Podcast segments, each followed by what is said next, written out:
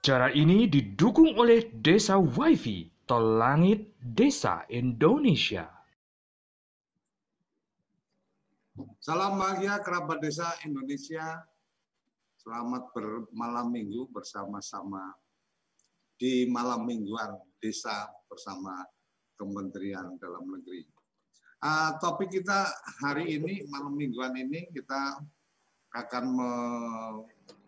mendiskusikan atau mengobrol santai kan, mengobrol santai, menghadirkan tata kelola pemerintahan desa untuk pelayanan prima. Jadi dari Pak Okto kemarin saya diberi menghadirkan tata kelola pemerintahan desa, kemudian uh, saya tambah sendiri. Minta izin Pak Okto, saya tambah dalam rangka pelapa ya. prima. Pak Ferry, terima kasih sudah bergabung juga. Uh, beberapa teman yang lain uh, juga sudah bergabung. Kerabat desa yang bergabung di Zoom meeting, uh, silakan apabila Anda ingin ikut berbicara nanti raise hand di bagian partisipan. Saya akan berikan kesempatan untuk berbicara, tetapi uh, pertama kita perlu mendengar dulu nih apa pematik diskusinya Pak Okto tentang menghadirkan tata kelola pemerintahan desa. Silakan, Mas Okto. Ya, makasih Pak Koco, Bapak Ibu sekalian. Assalamualaikum warahmatullahi wabarakatuh. Selamat malam dan salam sejahtera untuk kita sekalian. Uh, Pak Direktur, Bapak Ibu sekalian, malam ini kita mengisi malam santai lah, bisa dikatakan seperti itu, untuk membicarakan mengenai uh, topik kita di malam hari ini yaitu menghadirkan tata kelola pemerintahan untuk pelayanan prima. Jadi Bapak Ibu sekalian, Kementerian Dalam Negeri dalam hal ini ya mempunyai salah satu sasaran yaitu sasaran dalam rangka lima tahun ke depan yaitu bagaimana mewujudkan tata kelola pemerintahan desa, tata kelola pemerintahan desa. Sehingga kemudian ini menjadi penting di malam hari ini kita mendiskusikan uh, bagaimana mengoptimalkan atau mewujudkan uh, apa yang menjadi harapan daripada Kementerian dalam dalam negeri. Uh, Bapak Ibu sekalian bicara mengenai uh, menghadirkan topik kita malam ini yaitu menghadirkan tata kelola pemerintahan untuk pelayanan prima. Memang uh, pemerintah hadir untuk memberikan pelayanan bagi masyarakat memberikan pelayanan bagi masyarakat. Kalau kita menghadirkan ini dalam konteks pemerintah, pemerintah memang harus hadir hadir ketika masyarakat membutuhkannya. Pemerintah harus hadir. Dalam konteks maka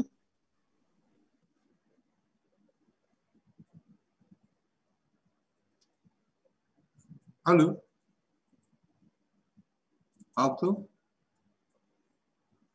Sepertinya ada gangguan sinyal ini di tempat Pak Auto. Atau di tempat saya? Oke, uh, sambil coba menunggu koneksi lanjutan dari Pak Okto, Pak Ferry boleh apa memberikan tambahan-tambahan atau memberikan sisipan sambil menunggu Pak Okto untuk terkoneksi lagi. Baik, Pak Kocok, kerabat desa yang berbahagia.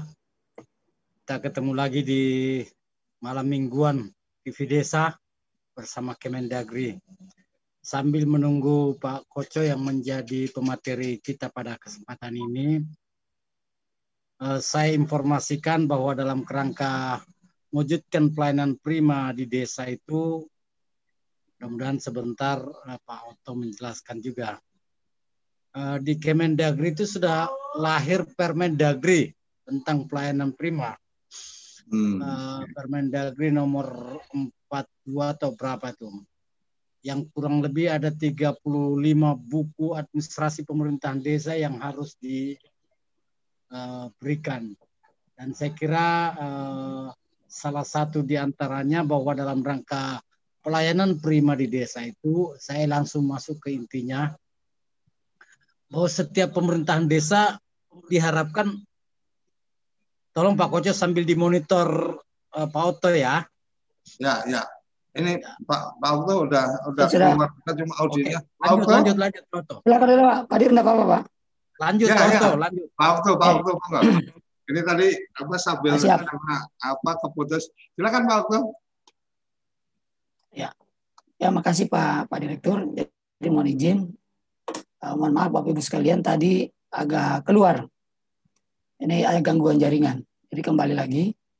Eh, salah satu eh, sasaran sasaran strategis dari Kementerian Dalam Negeri dalam hal desa yaitu mewujudkan tata kelola tata kelola penyelenggaraan pemerintahan desa. Bicara mengenai judul kita pada malam hari ini yaitu menghadirkan tata kelola pemerintahan untuk pelayanan prima, ada tekanan pada menghadirkan. Menghadirkan, ini tentu ini menjadi tanggung jawab yang menghadirkan.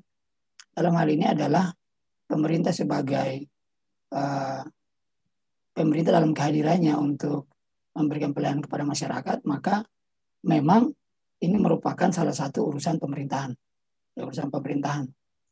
Salah satu urusan pemerintahan dalam kaitan dengan desa yaitu pemberdayaan masyarakat dan desa.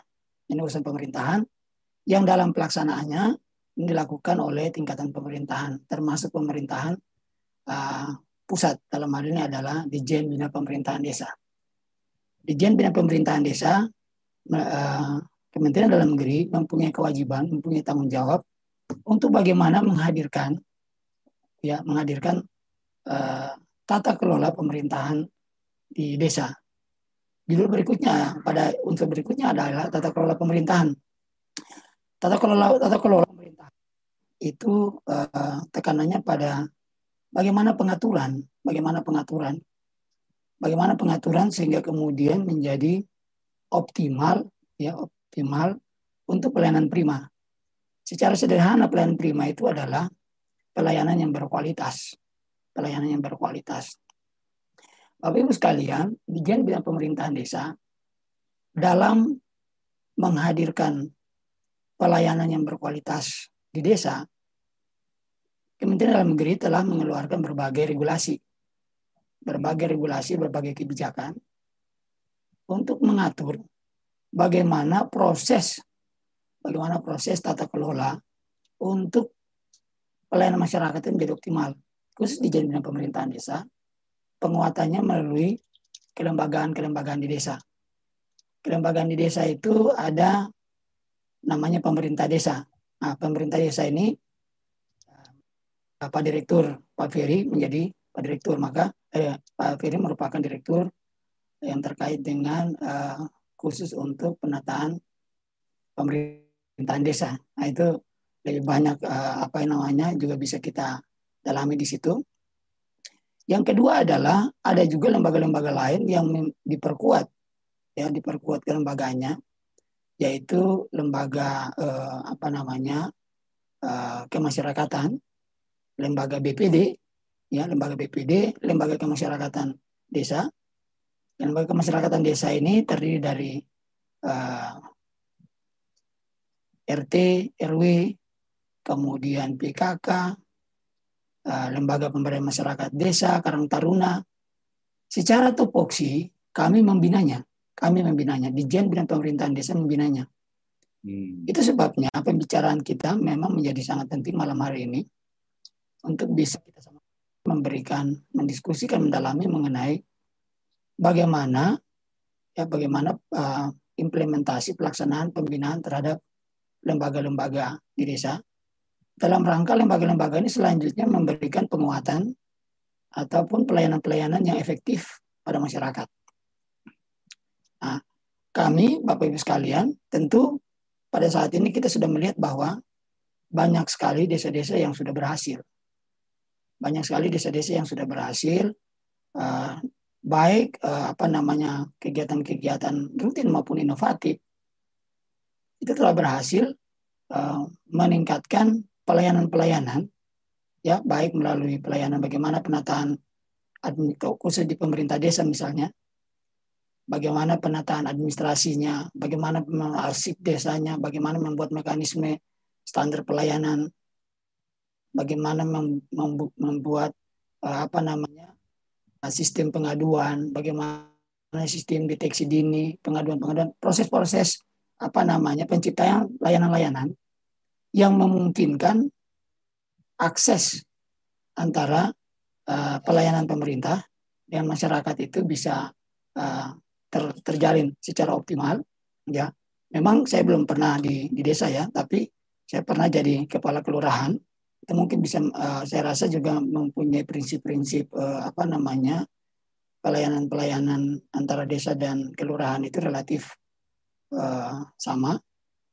Uh, kemudian juga bagaimana di Bidang Pemerintah Desa melakukan penguatan terhadap misalnya BPD, penataan organisasi, penataan fungsi-fungsi uh, BPD untuk bagaimana bisa melaksanakan fungsinya sehingga mendorong uh, apa namanya uh, akses-akses pelayanan itu bisa kebutuhan-kebutuhan masyarakat.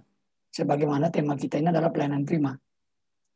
Demikian juga lembaga-lembaga lain, RT RW. Bagaimana sih RT RW penataan kelembagaan RT RW, penataan lembaga-lembaga yang lain sehingga kemudian lembaga-lembaga itu hadir menjadi lembaga-lembaga yang profesional, ya, lembaga-lembaga yang mampu juga bisa melaksanakan tata kelola yang baik. Karena pengaturan-pengaturan ini sudah dari kami, kami melakukan uh, pembinaan-pembinaan mengenai efektivitasnya di lapangan, tentu itu banyak faktor yang mempengaruhi. Tapi pada paling tidak adalah semangat malam ini adalah kita mendiskusikan mengenai sejauh mana ya kondisi-kondisi keberhasilan-keberhasilan di, di lapangan, sejauh mana juga mungkin uh, dari kami memfasilitasinya.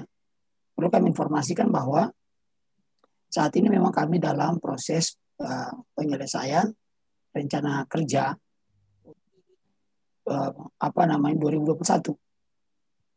Maka menjadi penting bagi kita adalah kita mendiskusikan mengenai bagaimana sesungguhnya kondisi tata kelola di desa kondisi tata kelola di desa dalam proses kelembagaan-kelembagaannya, dalam proses uh, pelayanan hubungannya dia dengan uh, internal kelembagaan, ya, kemudian bagaimana hubungan dia dengan masyarakat, lalu kemudian kita lihat ke atas, bagaimana pembinaan-pembinaan yang kami lakukan?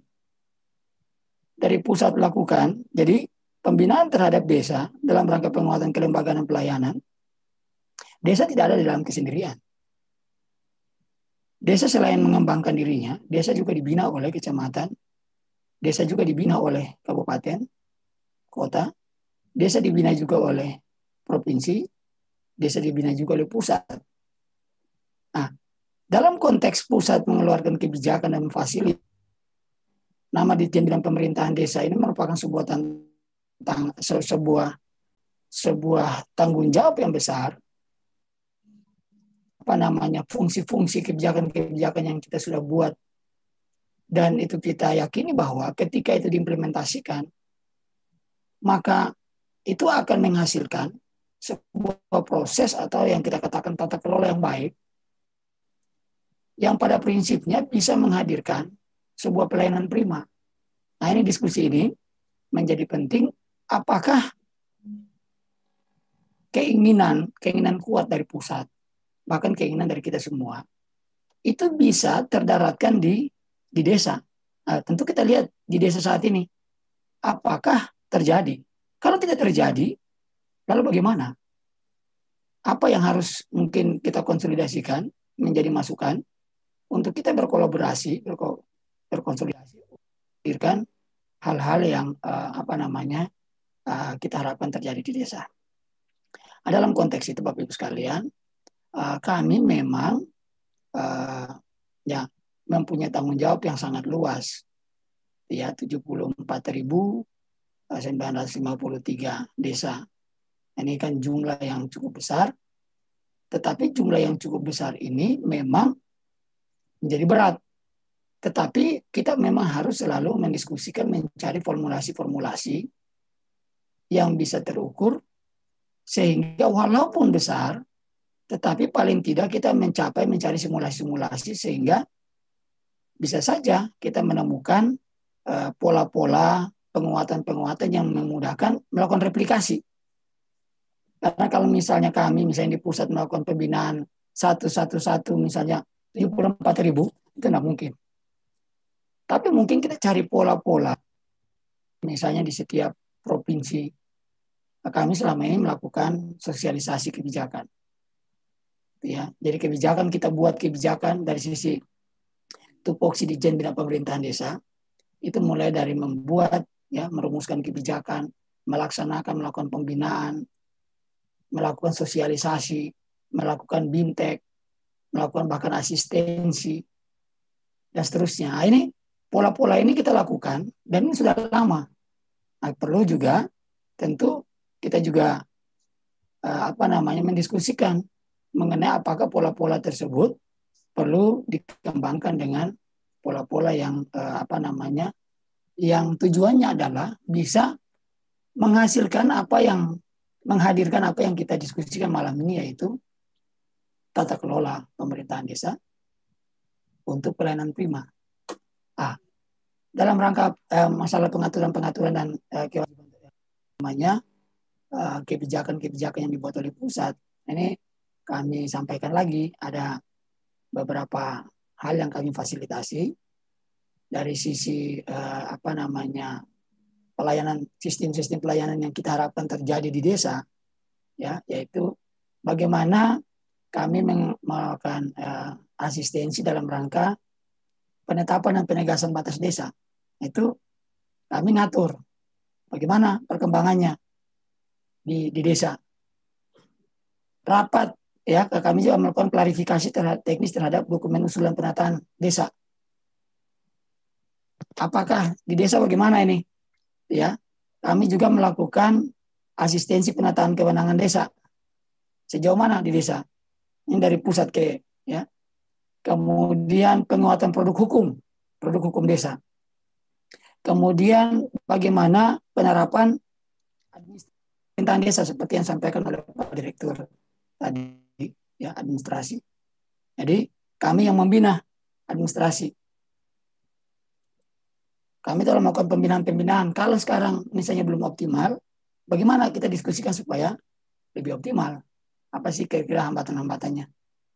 Kemudian pelaksanaan pemilihan kepala desa itu fasilitasi kebijakan dari izin bina pemerintahan desa. Perencanaan pembangunan. Jadi perencanaan pembangunan desa, Bapak Ibu sekalian, perencanaan itu adalah perencanaan pemerintah desa. Perencanaan pemerintah desa maka di dalam apa namanya uh, Undang-Undang 6 dikatakan bahwa perencanaan pembangunan rencana kerja pembangunan atau rencana kerja pemerintah pemerintah desa itu adalah dokumen perencanaan dari lembaga pemerintah desa yang sesungguhnya sebenarnya representasi daripada perencanaan desa sesungguhnya. Kemudian ada uh, pelaksanaan ini ya, uh, kami juga memfasilitasi program kerjasama dalam rangka akses akses melakukan itu, bagaimana perkembangannya, ya. Kami menghadirkan proses-proses tata kelola. Kemudian bagaimana pengelolaan aset desa, ya. Kemudian bagaimana pelaksanaan kerjasama untuk meningkatkan nilai ekonomi desa. Peningkatan pendapatan asli desa. Demikian juga sistem informasi keuangan dan aset. Itu kita memfasilitasi ya. Bahkan juga melakukan uh, evaluasi tentang tingkat perkembangan desa. Evaluasi evaluasi kita lakukan. Evaluasi ini tidak hanya dilakukan oleh pusat tetapi juga bisa dilakukan oleh desa maupun pada tingkat daerah. Kemudian ya kita juga uh, apa namanya melakukan itu ya di uh, penguatan terhadap uh, memberikan bantuan walaupun bantuan secara terbatas Eh, rehabilitasi pembangunan kantor desa. Kemudian kita juga melakukan penguatan terhadap kelembagaan PKK dan posyandu. Jadi penguatan-penguatan kelembagaan melakukan penataan kelembagaan untuk dalam rangka pelayanan, gitu ya, kelembagaan lembaga PKK dan posyandu di desa. Demikian juga ada Satlinmas desa. Kami juga melakukan penguatan terhadap tadi seperti saya sampaikan lembaga kemasyarakatan desa maupun lembaga adat desa. Itu kemudian pelaksanaan ya penguatan-penguatan eh, terutama ya BPD BPD di dalam pengelolaan kelembaganya, dalam pelaksanaan fungsi-fungsinya sampai dengan pelaksanaan peran-peran BPD, pemerintah desa dalam pelaksanaan musyawarah desa untuk berbagai tematik musyawarah desa, perencanaan, kemudian perencanaan uh, desa, dan kemudian pengelolaan aset, investasi dan seterusnya. Itu adalah di di uh, di Pemerintahan Desa Demikian juga uh, apa namanya kami melakukan peningkatan-peningkatan kapasitas. Kapasitas peningkatan kapasitas Bapak Ibu sekalian. Peningkatan kapasitas ini selain kami lakukan di pusat di Jen Bina Pemerintahan Desa, kami juga mempunyai balai-balai balai pemerintahan ada di Lampung, ada di Yogyakarta dan juga ada di uh, apa namanya di Malang.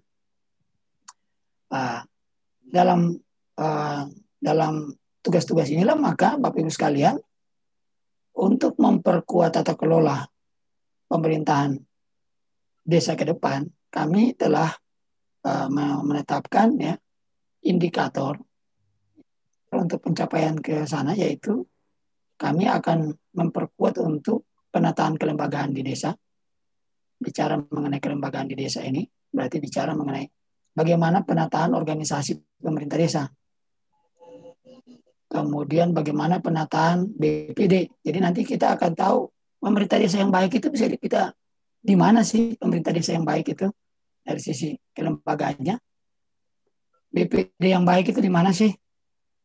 Ya, mungkin nanti harus memang harus kita menghasilkan itu sehingga uh, lembaga kemasyarakatan desa yang lain yang baik di mana sih? Baik itu sendiri adalah relatif. Baik itu relatif.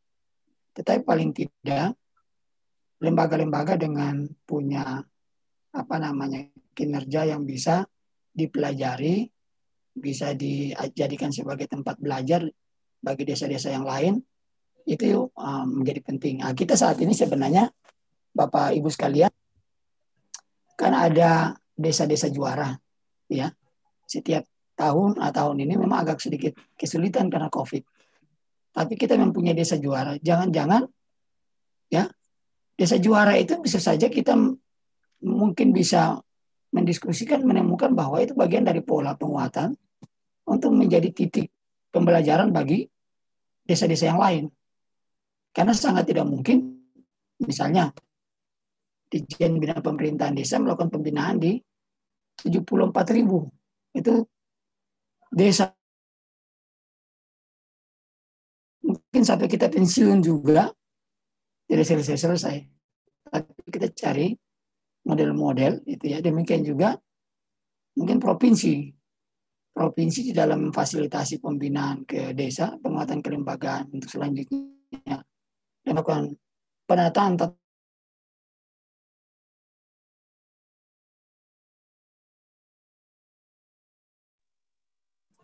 Halo, Auto.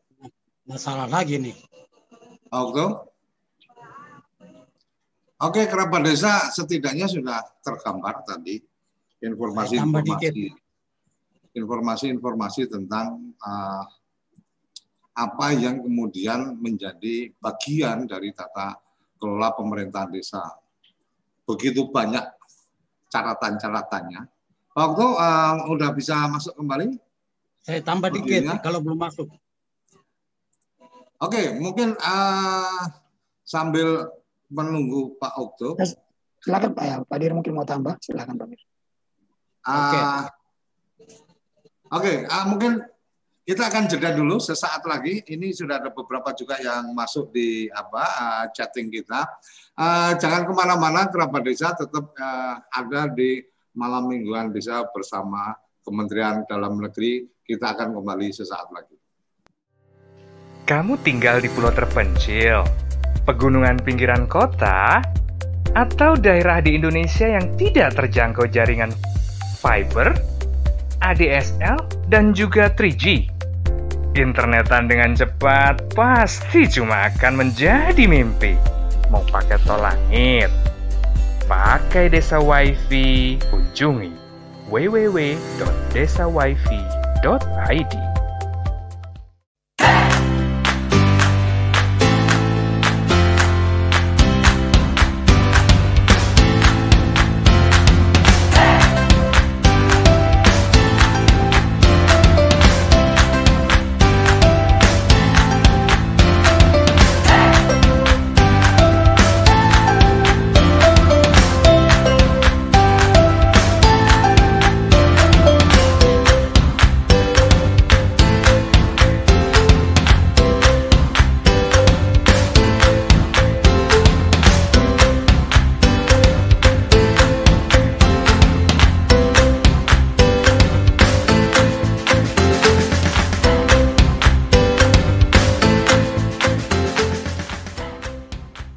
Toko IG.id, toko Instagramnya orang Indonesia. Ayo, kandidat kepala daerah, manfaatkan kesempatan ini. TV Desa mengundang Anda bicara desa. 5 menit bisa. Bicara Desa. Sebuah program tayangan monolog, konsep membangun dari desa. Dari kandidat untuk masyarakat. 5 menit bisa. Bicara Desa. Hanya di TV Desa. Oke, kembali lagi di malam mingguan desa bersama Kementerian Dalam Negeri. Uh, ada beberapa sudah memberikan apa catatan di chatting. Nanti akan saya berikan waktu ada Mas Dodi, ada Mas Iwan. Tapi kita ingin apa? Uh, mungkin Pak Okto masih ada yang ingin ditambahkan atau Pak Direktur? Silakan. Ya, Pak Direktur mungkin ada mau menambahkan. Silakan. Pak Dir.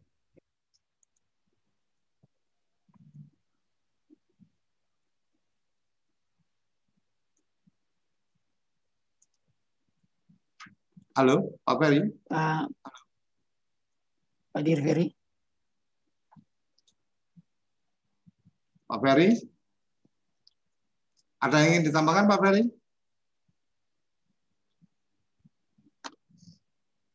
Ya, baik. Oke, monggo Pak Ferry. Saya tambahkan Halo, sedikit. meleng- Halo, kedengaran ya? Saya nggak usah tampilkan videonya biar eh, komunikasinya lancar nih. Silakan, silakan. Saya hanya ingin menambahkan sedikit apa yang disampaikan Pak Otto itu betul sekali tadi. Begitu luasnya persoalan eh, desa kalau berbicara dalam kerangka peningkatan pelayanan pelayanan prima di desa, saya hanya ingin menyampaikan kepada kita semua ada tiga hal peraturan Menteri Dalam Negeri yang penting untuk dipahami. Pertama Permendagri nomor 84 tentang SOTK pemerintahan desa. Nah, itu ada SOTK yang menggambarkan eh, struktur pelaksana pelayanan itu eh, perangkat desa. Yang kedua perlu diketahui ada Permendagri nomor 2 tahun 2017 tentang standar pelayanan minimal di desa. Itu sudah ada malah. Itu sudah ada. Eh, yang ketiga perlu dipahami ada Permendagri nomor 47 tahun 2016 tentang administrasi pemerintahan desa. Itu yang berkaitan dengan dokumen-dokumen. Nah, kita fokus untuk pelayanan prima di desa. Dua hal pokok tadi yang saya sebutkan di awal itu harus dipahami oleh desa tentang SOTK desa karena SOTK inilah dengan eh, kejelasan SOTK akan ditempatkan perangkat desa yang baik dan benar sesuai dengan tugas pokok dan fungsinya. Ada tiga unsur eh, perangkat desa berdasarkan Permendagri nomor 83 yaitu unsur pelaksana teknis ya. Unsur pelaksana teknis itu para kasih. Unsur kesekretariatan nah itu kaur-kaur dan unsur kewilayahan itu kepala dusun. Itu semua memberikan pelayanan kepada pemerintahan desa. dalam kepada masyarakat di desa dalam rangka pelayanan yang akan diberikan oleh perangkat desa ini diatur dalam Permendagri pas Permendagri nomor 2 tahun 2017 tentang STM. Apa yang harus dilaksanakan oleh pemerintah desa itu melahirkan regulasi di desa. Regulasi di desa berkaitan dengan jenis-jenis pelayanan yang harus diberikan. Itu harus diatur itu tadi ada hubungannya dengan fasilitasi produk hukum desa. Jadi pemerintah desa itu dalam rangka memberikan pelayanan harus melahirkan perdes tentang jenis-jenis layanan atau minimal keputusan kepala desa Pak Koco. Nah, itu yang harus dilahirkan. Eh, bahkan lebih dari itu ketika ada penugasan terutama dari kabupaten kota maka kabupaten kota melahirkan perbuk tentang penugasan itu yang kemudian dituangkan ke dalam bagaimana cara melaksanakan penugasan itu dalam bentuk pelayanan. Itu juga harus diatur dalam bentuk perdes atau peraturan kepala desa. Nah, ke depan kita harapkan pemerintahan desa itu berjalan berdasarkan regulasi yang dilahirkan oleh pemerintahan desa. Oleh karena itu dalam kesempatan beberapa waktu lalu ketika saya berbicara tentang kewenangan, bagian dari penguatan tata kelola pemerintahan desa, jangan sampai perangkat desa itu diperlakukan semena-mena. Karena kalau diperlakukan semena-mena tidak akan mungkin bisa memberikan pelayanan maksimal sesuai dengan standar pelayanan yang ada. Atau paling tidak menyebabkan setiap pergantian kepala desa secara tidak benar itu maka implikasinya harus memberikan lagi pemahaman tentang bagaimana memberikan pelayanan. Padahal ini perangkat desa harus ditingkatkan kualitasnya. Jadi ini ini perlu kita uh, bicarakan dengan baik. Mudah-mudahan uh, jajaran pemerintah kabupaten kota yang terdepan melakukan pembinaan ini bisa maknai betul-betul Undang-Undang Nomor 6 tahun 2014 tadi yang disebutkan oleh Pak Otto itu uh, banyak hal yang harus dilakukan tidak sekedar melaksanakan dana desa tapi mewujudkan tata kelola pemerintahan desa antara lain bagaimana memberikan pelayanan yang baik. Saya kira itu aja uh, dua tiga hal pokok yang saya tambahkan Permendagri yang harus dipedomani dalam rangka pelayanan prima di desa itu Permendagri uh, 84 dan 83 serta Permendagri nomor 2 tahun 2017. Demikian saya kembalikan ke Pak Koco. Ya, saya tambahkan ya Pak Oto. Terima kasih. Oke, terima kasih. Jadi uh, di chatting kita sudah ada Mas Dodi tadi sudah mengirimkan apa pertanyaan. Uh, saya sudah berikan akses untuk uh, Mas Dodi bisa menyampaikan langsung dan juga Mas Iwan. Silakan. Mas Iwan dulu atau Mas Dodi dulu yang sudah masuk duluan. Kita akan dengarkan suara dari teman-teman di lapangan seperti apa. Silakan, Iwan. ya. Tes. Baik. Assalamualaikum warahmatullahi wabarakatuh. Sebentar, Pak. Ya, langsung, Wan. Ya, ada Suryo. Jelas ya. suaranya? Ya, sudah. Ya. Salam bahagia. Salam bahagia kerabat TV Desa.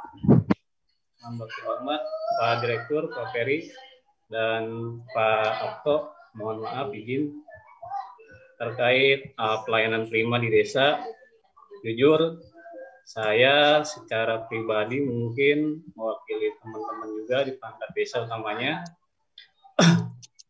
Saya sangat tertarik dengan diskusi malam ini terkait pelayanan uh, prima. Paling tidak mungkin sesuai dengan Permendagri nomor 2 tahun 2017 standar pelayanan uh, minimal di desa ya.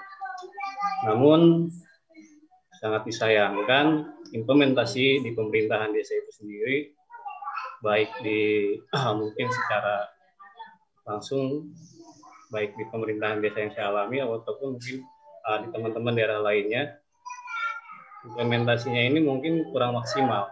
Karena apa? Ya salah satunya itu terkait perangkat desa yang mungkin menurut Permendagri sendiri tidak boleh diberhentikan secara semena-mena atau di uh, apa atau diberlakukan secara uh, semena-mena tapi pada kenyataannya banyak perangkat desa yang diberhentikan begitu saja. Bahkan yang ironisnya banyak perangkat desa yang siluman. Jadi mau bagaimanapun uh, tata kelola pemerintahan desa ini harus mulai dari awal kembali, termasuk dari administrasi, baik dari mungkin uh, dokumen-dokumen yang ada di desa itu mulai dari awal. Jadi saya harapkan ke depannya komunikasi harmonisasi antara pemerintah pusat, pemerintah provinsi, baik pemerintah daerah maupun pemerintah desa itu sendiri itu benar-benar lebih intens kembali melihat bagaimana status SDM di desa itu sendiri. Karena pun tanpa mohon maaf, kami mungkin rata-rata hanya sebatas lulusan SMA yang notabene tergolong mungkin masih awam dalam dunia pemerintahan meskipun kami melalui seleksi terkait uh, tentang pemerintahan desa. Namun tanpa bimbingan, tanpa uh, mungkin pembelajaran yang lebih intens, kami juga hanya manusia biasa. Kami kadang suka salah, apalagi dalam uh, melakukan pelaksanaan pembangunan, yang mana di sana dibutuhkan tenaga ahli infrastruktur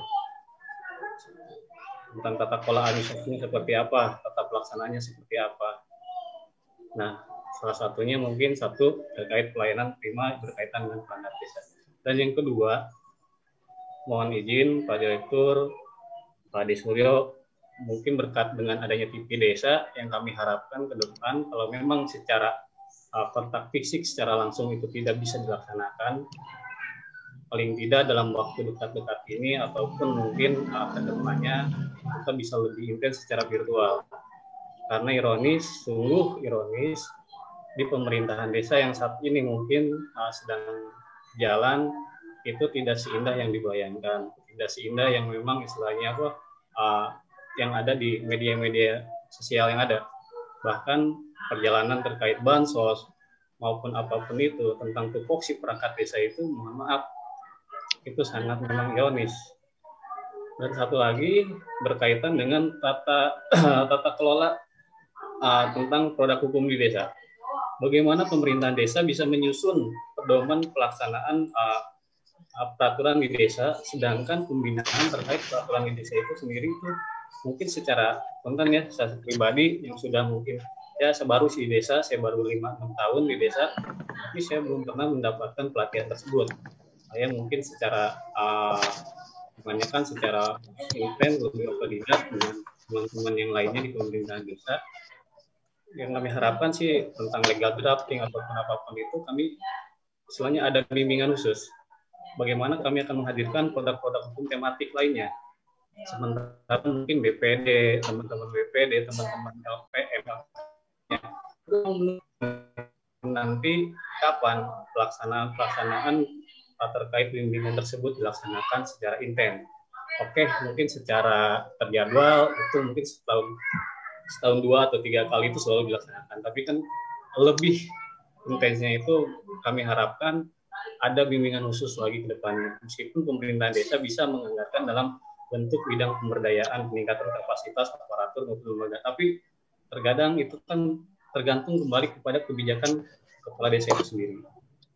Dan satu lagi Pak Ade, mohon maaf terakhir berkaitan produk hukum sendiri mungkin di PP 11 tahun 2019 itu sudah jelas di pasal 81 bahwa paling sedikit penghasilan tetap perangkat desa itu uh, termasuk golongan 2A.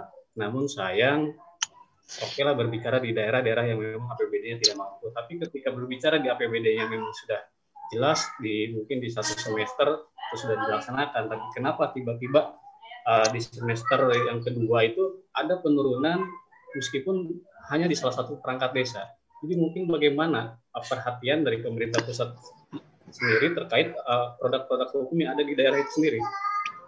Mungkin hanya itu okay. saja dari saya pribadi. Maaf, Pak cukup agak lama. Terima kasih banyak Pak Supri Assalamualaikum warahmatullahi wabarakatuh.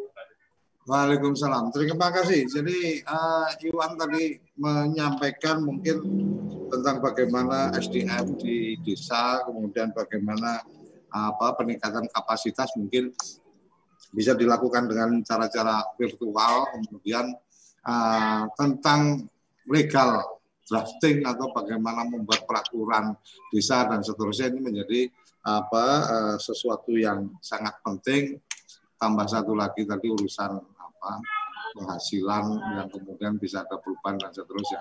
Uh, ini akan kita apa kita catat nanti ma, apa Mas Okto mungkin Pak Direktur juga akan memberikan apa uh, responnya. Jadi malam mingguan ini salah satu bagiannya adalah uh, kita berharap menjadi tempat untuk kemudian kita bisa belanja problematika di lapangan sehingga kemudian bisa mencari apa solusi-solusinya seperti apa karena memang uh, kalau kita bicara pada uh, kebijakan maka di tingkat pusat mestinya bagian dari tugas pembinaan itu ada di kabupaten juga. Jadi ketika kemudian kabupaten nggak melakukan pembinaan ya berarti kan ada something di situ. Mas Dodi silakan. Terima kasih Ketua. Selamat malam Bapak Direktur. Selamat malam Pak Okto. Kami atau saya adalah basicnya pendamping desa yang sudah kurang lebih lima tahun ini eh, bergelut bertarung dengan baik itu dari unsur perangkat eh, kepala desa baik PJ maupun definitif juga dengan berganti ganti camat yang satu setengah tahun atau dua tahun eh, produk-produk yang asli dari Kementerian eh, dari Kementerian Dalam Negeri seperti SID, kemudian ada Prodeskel atau Ebdeskel, itu seyogianya hanya satu saja. Halo? Ya, ya, langsung. Apakah bisa didengar? Oh ya. Didengar, Mas. Produk-produk. Silakan. Ya. Produk dari Kementerian Dalam Negeri menurut kami hemat di lapangan itu dibatasi satu saja. Karena Pak, sepanjang yang kita ketahui. Di situ ada prodeskel, ada ebdeskel untuk evaluasinya. Kemudian ada padi, si pades, si praja, dan lain sebagainya. Yang notabene itu adalah kabupaten seakan-akan bermain aplikasi untuk memborbardir pemerintahan desa dalam hal ini perangkat yang ditugasi untuk selalu update data. Padahal kalau kita satu pintu data itu bisa dipakai untuk link. Contoh dulu, ketika presiden akan menyatakan dua periode, itu dibukakan tol langit yang nantinya semua data itu akan terintegrasi. Baik itu dinas pertanian, dinas perindustrian, dinas tenaga kerja, dan lain sebagainya. Yang di atas nanti adalah kementerian, kementerian di atasnya presiden mempunyai kebijakan. Sehingga data tersebut tidak karut marut atau tidak tumpang tindih. Seperti yang kami kawal, BLT dana desa diambil dari data pemerintahan sosial nggak masuk, tapi orangnya dapat. Ada yang sebaliknya. Nah, saya minta dari kementerian yang berwenang, Kementerian Dalam Negeri dalam hal ini Bina Pemerintah Desa, untuk menelurkan satu saja dan itu mempunyai uh, seperti penekanan atau intervensi kepada desa sehingga seluruh desa di Nusantara ini yang 74 ribu lebih itu bisa satu sumber satu kebijakan. Itu saja mungkin Bapak Koco selaku senior saya. Mohon maaf apabila iya apabila ada kata yang kurang berkenan. Salam dari Prambon, Kabupaten Sidoarjo, Provinsi Jawa Timur. Mohon Indonesia. bimbingan dan arahan. Assalamualaikum okay. warahmatullahi wabarakatuh. Waalaikumsalam warahmatullahi wabarakatuh. Jadi uh, menarik ini. Jadi Mas Dodi tadi menyampaikan tentang bagaimana kebijakan satu data itu mungkin sesuatu yang apa yang masuk akal juga ketika teman-teman di desa uh, sekarang ini beberapa mungkin jadi sibuk dengan urusan administratif yang sebenarnya beberapa data itu sudah ada di aplikasi yang lain, tapi karena memang harus harus mengisi aplikasi itu ya. akhirnya harus double double apa double double kerjaan mungkin gitu ya, Mas Dodi ya. Siap, siap senior. Siap. Oke, okay. oke okay, jadi sudah coba kita tangkap kalau yang data tumpang tindih, nah, itu itu bagian yang lain, Mas kalau tumpang tindih itu ada yang numpang, ada yang nindih, itu yang enak yang sebelah mana kan gitu. Oke, maka Ma, Pak Abdul, uh, ini apa ma, suara langsung dari teman-teman di apa di lapangan termasuk juga ini ada chat juga dari apa Mas Hernawan ini tentang pelayanan prima penggantian kades jangan sampai penggantian perangkat desa dan seterusnya tadi sudah disinggung oleh Pak Ferry uh, mungkin nanti juga bisa dipertegas lagi ini sanksinya kayak apa nih tahu-tahu ganti perangkat desa prosesnya nggak transparan tahu-tahu perangkat desa yang ada apa ah, mejanya sudah ditempati orang lain dan seterusnya. Ah, beberapa hal seperti itu kebetulan kita sempat mendapatkan informasinya. Jadi ini akan menarik untuk kemudian apa ah, dicari konklusinya seperti apa. Monggo Mas Okto. Ya, makasih Pak Koco. Ya ada berapa penanya tadi. Jadi Bapak Ibu sekalian, uh, saya dalam konteks perencanaan dalam konteks perencanaan ada uh, tiga lawan sesungguhnya yang sampaikan tadi Pak Iwan ya. Pak Iwan bahwa uh, pada intinya mengatakan uh, oke lah kami ingin uh, diminta untuk melakukan tata kelola di desa untuk pelayanan yang tetapi tolonglah kami punya sumber daya manusia terbatas sehingga butuh pembinaan. Mungkin titiknya di situ. Nah, dalam konteks saya malam ini, itu ya itulah kita mencari model bagaimana caranya kami yang jauh itu bisa dekat dan Bapak yang terbatas itu bisa terfasilitasi. Itu. Uh, saya pernah ya memang agak kalau pembinaan-pembinaan umum memang agak kesulitan. Uh, saya juga merasakan bagaimana misalnya kalau di saya di pusat ini Pak. Saya di pusat itu saya juga pernah ikut-ikut BIMTEK. Ikut BIMTEK ada yang menjelaskan. Selesai BIMTEK satu hari, saya mungkin memahaminya 10% itu sudah maksimal. Saya membayangkan kalau struktur kapasitasnya itu adalah pusat mungkin lebih pintar, misalnya ini contoh nih misalnya, Kemudian di bawahnya turunnya adalah provinsi, turun kabupaten kota, turun ke desa. Memang sulit diharapkan kalau satu kali bimtek atau dua kali bimtek, jangan-jangan sepuluh kali bimtek, apalagi bimteknya mungkin nggak terukur itu menjadi kesulitan. Jadi berulang-ulang tapi nggak terukur. Nggak, hasilnya tidak terlalu maksimal sehingga mungkin juga perlu dicari model-model yang eh, bisa uh, apa namanya memastikan. Nah itu menjadi pemikiran kita bersama. Uh, kami di pusat ya tentu saya di perencanaan saya mengawal mengenai arah arah capaian kinerja. Bagaimana ini kalau misalnya kita ingin agar tata kelola desanya itu tertata dan pelayanan-pelayanan berjalan, bagaimana sih simulasinya agar bisa fungsi-fungsi yang kami fasilitasi itu tidak eh, tidak ada di tengah jalan tetapi dia ada sampai di ujung jalan. Nah, untunglah saat ini karena ada sedikit solusi juga ke depan itu bisa kombinasi antara offline dan online. Offline dan online. Nah, saat ini kan kita online.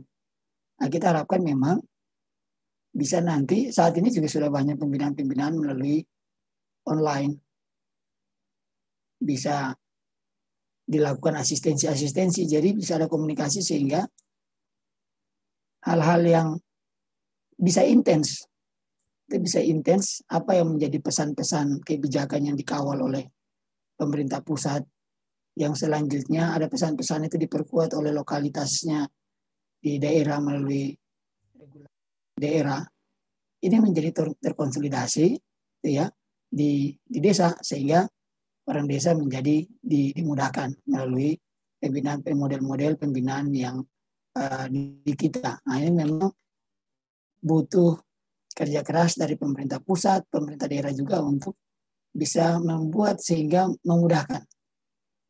Saya juga memahami bahwa di desa, jangankan di desa Pak, saya saja menangani satu urusan saja itu saya sudah kewalahan.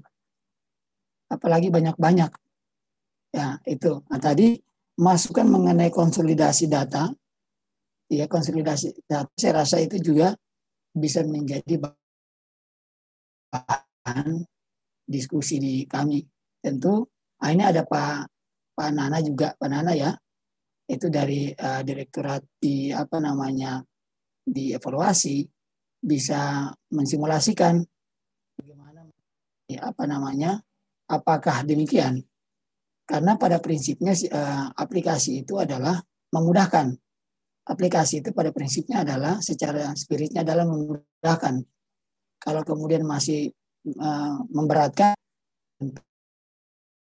itu perlu untuk tetap ada pada semangat uh, apa namanya memudahkan. Uh, saya rasa dua dua pesan itu dua pesan itu yang disampaikan tadi saya dari sisi perencanaan memang harus melihat bagaimana di menghadirkan tata kelola kesan pesannya itu bisa ditangkap dengan baik di desa ya bersama kabupaten kota itu bisa berjalan. Nah, itu bagaimana caranya untuk mensimulasikan di dalam perencanaan dan penganggaran di kami sehingga pesan-pesan dari di, di desa dan bisa secara cepat walaupun mungkin tidak seluruh di apa namanya 74 ribu tapi paling tidak kita sudah mulai menemukan desa-desa yang bisa uh, apa namanya jadi tempat-tempat pembelajaran paling tidak di setiap provinsi itu ada syukur-syukur setiap kabupaten itu ada satu desa sebagai tempat pembelajaran mungkin pencapaian 74 ribu itu menjadi uh, lebih cepat. Itu Pak ya. Nah, ada teknis mungkin kalau kalau teknis terkait dengan pertanyaan-pertanyaan tadi. Kalau Pak Pak Direktur mungkin Pak Pak Firly mungkin ada jawab terkait dengan uh, masalah bagaimana efektivitasnya produk hukum, Eh, memang produk hukum ini kan butuh asistensi. Nah, kita ada punya sekarang ini kan ada bisa juga ada offline online juga bisa eh, konsolidasi mengenai uh, tidak harus kontak fisik. Mungkin ada arahan dari Pak dari Pak Dir Pak Dir Ferry. Oke. Uh, Siapa? Silakan Pak. Menambahkan Mas Koco ya, apa yang disampaikan Pak Okto tadi. Uh, pertama Pak Iwan, ada tiga hal yang diangkat bahwa implementasi Permendagri nomor 2 itu belum begitu kuat berjalan di desa. Uh, kemudian begitu juga PP nomor 11, nah, itu sama, tidak berjalan sebagaimana mestinya. Uh, pertama saya ingin katakan Inilah yang harus kita rubah paradigma sekarang dalam hal mewujudkan tata kelola desa yang baik.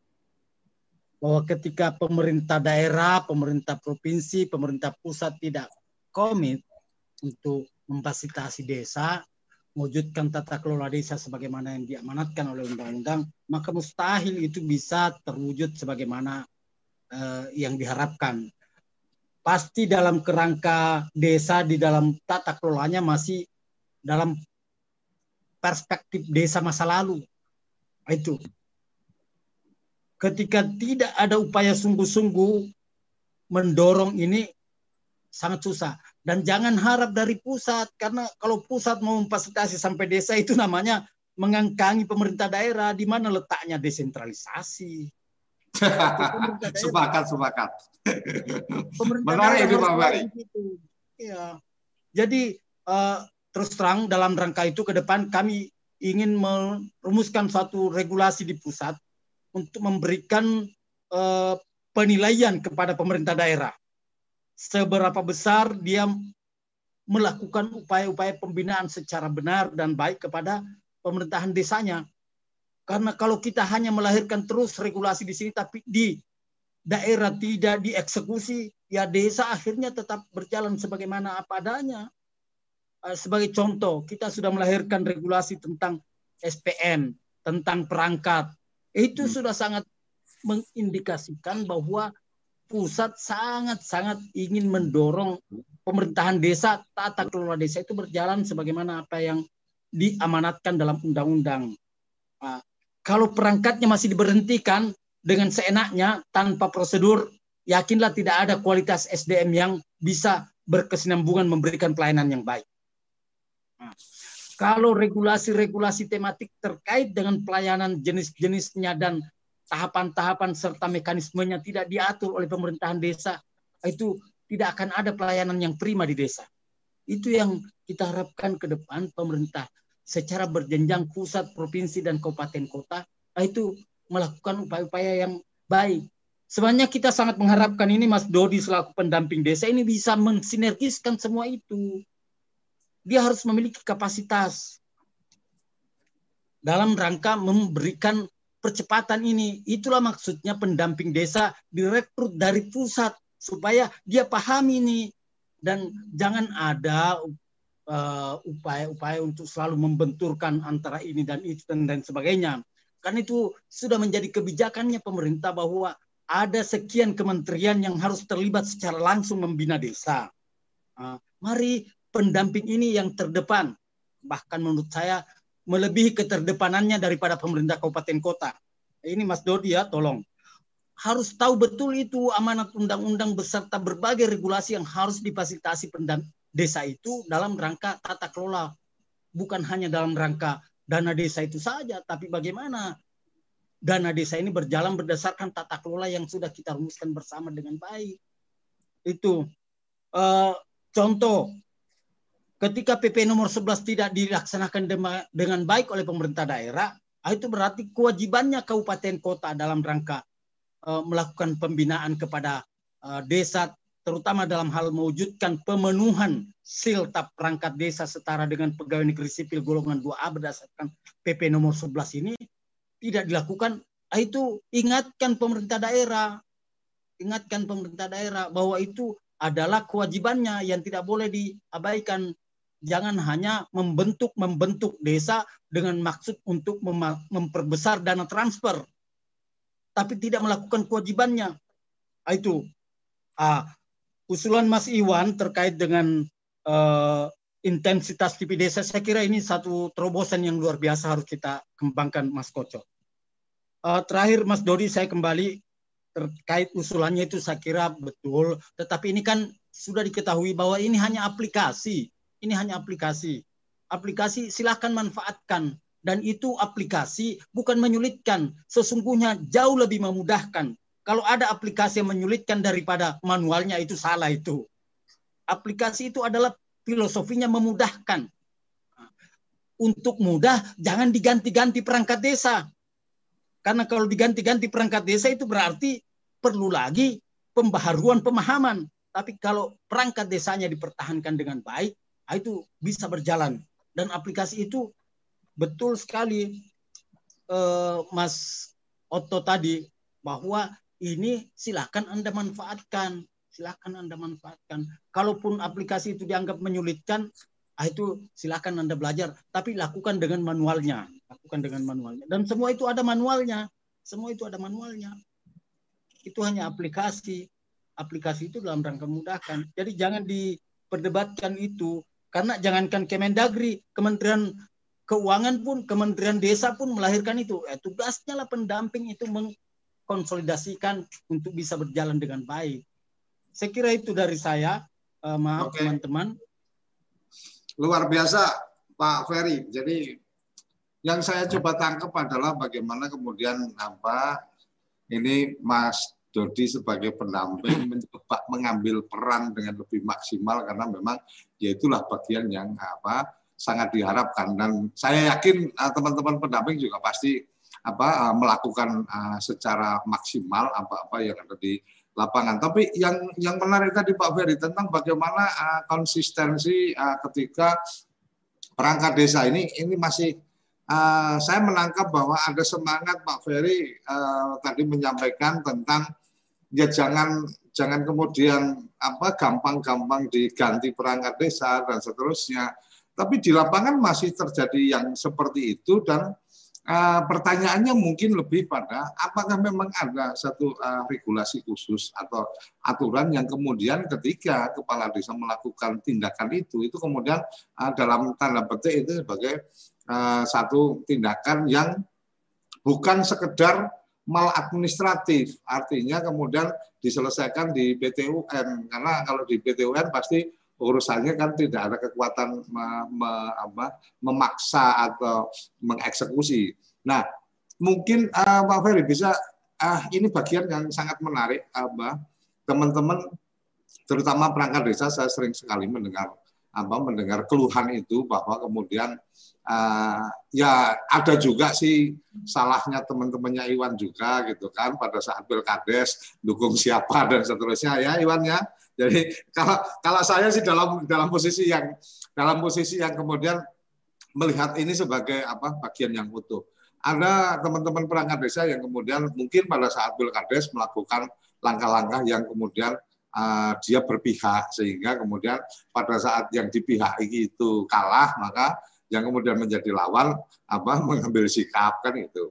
Nah ini ini mungkin bagian yang teman-teman perangkat desa juga perlu apa ayolah kita lebih profesional dalam konteks pelayanan artinya kemudian tidak perlu masuk di wilayah itu. Tapi menarik juga uh, kemudian ketika dilakukan tindakan-tindakan artinya mengganti perangkat desa dan seterusnya oleh kepala desa walaupun secara aturan ada konsultasi dengan camat dan seterusnya ketika kemudian itu sudah terjadi salah satu problemnya adalah kemudian uh, terjadi benturan di apa uh, di kantor. Artinya benturannya adalah teman-teman yang kemudian sudah diberhentikan merasa oh ini enggak fair ada yang salah dalam proses penghentian. Tetapi sisi yang lain juga tidak bisa berbuat apa-apa. Bahkan apalagi kalau kemudian sudah posisinya sudah ada di isi orang lain dan seterusnya. Ini kan uh, suasana kebatinan orang desa itu kan pasti merasa bahwa nggak nyaman juga nih kayaknya nguber jabatan dan seterusnya. Ada Mas Luki yang sudah resign, Mas Luki nanti akan saya beri waktu setelah ini. Ah, Pak Ferry mungkin saya pengen pengen apa pengen apa mendapatkan pandangan dari Pak Ferry tentang kondisi teman-teman perangkat desa yang mungkin quote unquote agak terganggu nih dengan pola-pola atau gaya-gaya kepala desa terpilih kemudian dengan apa seenaknya mengganti apa mengganti perangkat desa dan seterusnya. Pak Ferry ada saran-saran atau ada pandangan-pandangan? Baik, makasih Pak Koco. Ya. Jadi betul sekali bahwa tidak sedikit terjadi pemberhentian perangkat desa itu antara lain antara lain karena proses pilihan yang berbeda itu dalam terutama proses uh, pilkades. Itu betul sekali. Makanya makanya kita harapkan juga bahwa adalah aturan dari pemerintah daerah sekali lagi pemerintah daerah tentang bagaimana posisi perangkat daerah di desa perangkat desa di daerah itu diatur dalam bentuk perda. Itu amanatnya perda loh itu tapi oh. kan terbatas kabupaten yang melahirkan regulasi itu karena dia mau menganggap sudah selesai dengan lahirnya Permendagri nomor 83. Padahal amanatnya oh. pemerintah daerah harus mendetilkan termasuk kalau dikatakan bahwa perangkat desa tidak boleh berpihak, silahkan diatur itu. Artinya ada bagian-bagian yang belum diatur di Permendagri, khususnya di tingkat kabupaten diatur lebih detail di perdanya gitu, Pak. Iya, ah, bahkan bahkan di tingkat desa itu diatur dalam bentuk perdes tentang mekanisme pembinaan perangkat desa di desanya. Sehingga hmm. ketika terjadi seperti tadi pengangkatan dan pemberian uh, itu ada ada aturan. Sekali lagi saya ingin katakan bahwa tata kelola pemerintahan desa itu bukan berdasarkan peraturan Menteri Dalam Negeri, bukan berdasarkan peraturan daerah, tapi berdasarkan perdesnya, termasuk perangkat desa itu dikelola berdasarkan regulasi di desa itu. Nah, ini yang masih sangat terbatas yang melahirkan itu. Nah, oh. Jangankan perdes, perda saja kadang tidak lahirkan. Yang pokok bahwa Undang-Undang Nomor 6 kewenangan mengangkat dan memberhentikan perangkat desa itu ada pada kepala desa Ya. Ada pada kepala desa. Tapi ada mekanismenya, ada rambu-rambunya. Artinya nah, itu yang... artinya bukan kemudian apa uh, punya kekuasaan absolut untuk mengganti bukan. apa mengganti perangkat desa selayaknya presiden mengganti menteri kan gitu ya, Pak ya? Iya, itu lain. Kalau menteri jabatan politik. Kalau iya, perangkat ya, ya, desa ya, ya. bukan jabatan. Perangkat desa itu adalah birokrat desa. Birokrat ya. desa itu kalau analognya adalah PNSD. Berganti hmm. bupati, PNSD itu tidak boleh diberhentikan karena berganti bupati, tapi diganti kepala dinasnya boleh. Nah, kalau hmm. kepala desa ingin ada perubahan suasana, Rotasi. diganti se se mutasi sekdes ya. ke ini dan lain sebagainya itu boleh, tapi jangan berhentikan. Oke. Okay. Ini ini bagian yang menarik uh, kerabat desa yang mengikuti acara ini, terutama teman-teman dari apa uh, perangkat desa karena uh, alhamdulillah saya banyak juga berteman dengan teman-teman perangkat desa. Setidaknya Pak Ferry sudah memberikan gambaran bagaimana kemudian kita apa bisa mengatur itu, mendetailkan itu peraturan menteri bagaimana mendorong kabupaten untuk juga apa uh, menerbitkan peraturan daerah kemudian teman-teman dalam posisi hari ini dengan kepala desa siapa pun itu, itu juga bisa mendorong bagaimana melahirkan perdes yang mungkin itu menjadi bagian juga yang uh, menjadi pegangan untuk kemudian tidak bisa siapa apa uh, kepala desa nanti pemilihan terus kemudian sewenang-wenang melakukan apa uh, pencopotan dan seterusnya. Mas Luki, uh, sudah saya berikan uh, mic-nya silakan kalau ingin menyampaikan sesuatu kayaknya dari tadi serius banget mantengin. Silakan Luki dari mana uh, sampaikan kemudian uh, langsung saja.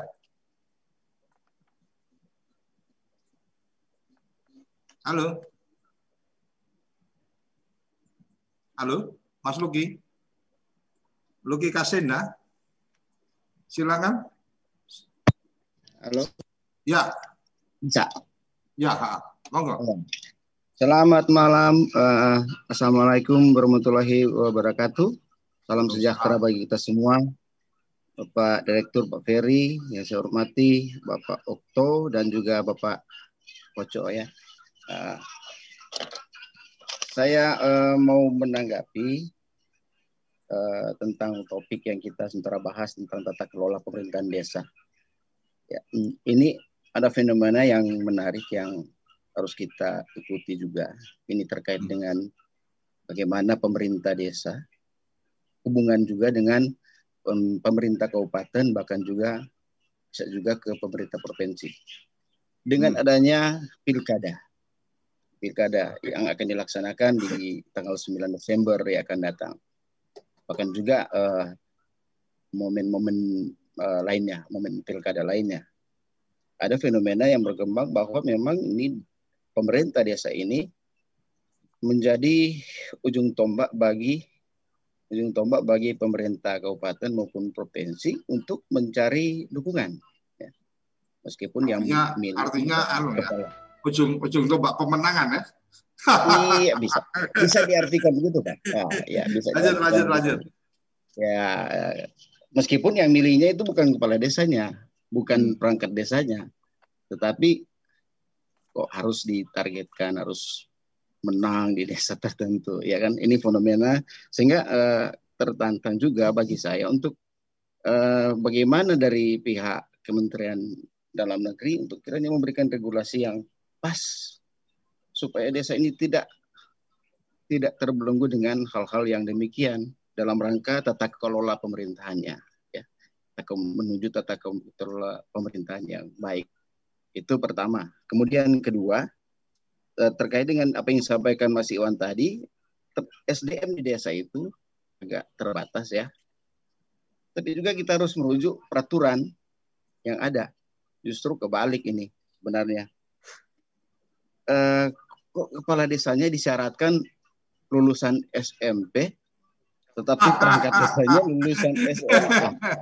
itu itu ceritanya bisa panjang tuh Mas ini perlu ini perlu kita kita pikirkan, kita perlu mumpung di sini ada uh, atasan-atasan kita pem, uh, di Kementerian Dalam Negeri itu kiranya memikirkan regulasinya seperti apa. Kita mau mewujudkan tata kelola pemerintahan yang baik, sementara kemampuan dari sisi SDM itu juga menjadi suatu tantangan tersendiri di desa karena perangkatnya yang direkrut harus minimal SMA, padahal kepala desanya itu sendiri minimal SMP.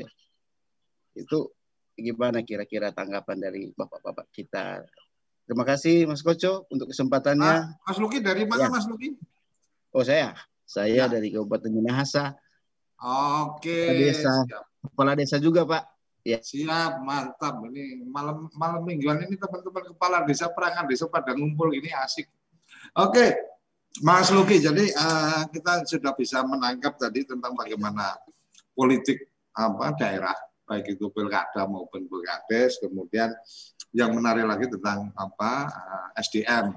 SDM itu saya pikir eh, saya bisa mungkin saya bisa memberikan respon tentang apa eh, kepala desa syaratnya cukup SMP dan seterusnya itu keputusan politik jadi kayaknya Pak Okto sama apa Mas Okto sama Pak Ferry juga bisa apa no comment ketika karena memang itu putusan politik artinya itu uh, putusan di undang-undang.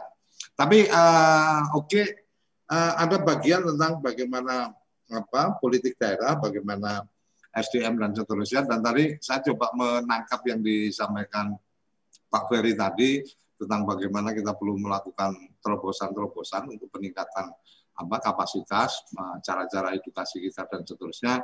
Insya Allah Pak Ferry, eh, TV Desa siap untuk apa mendukung apa pun agenda-agenda dari Kementerian Dalam Negeri, khususnya agenda-agenda tentang eh, edukasi karena memang semangat TV Desa ini eh, kita pengennya jadi TV edukasi untuk teman-teman apa di desa dan di pedesaan seluruh Indonesia.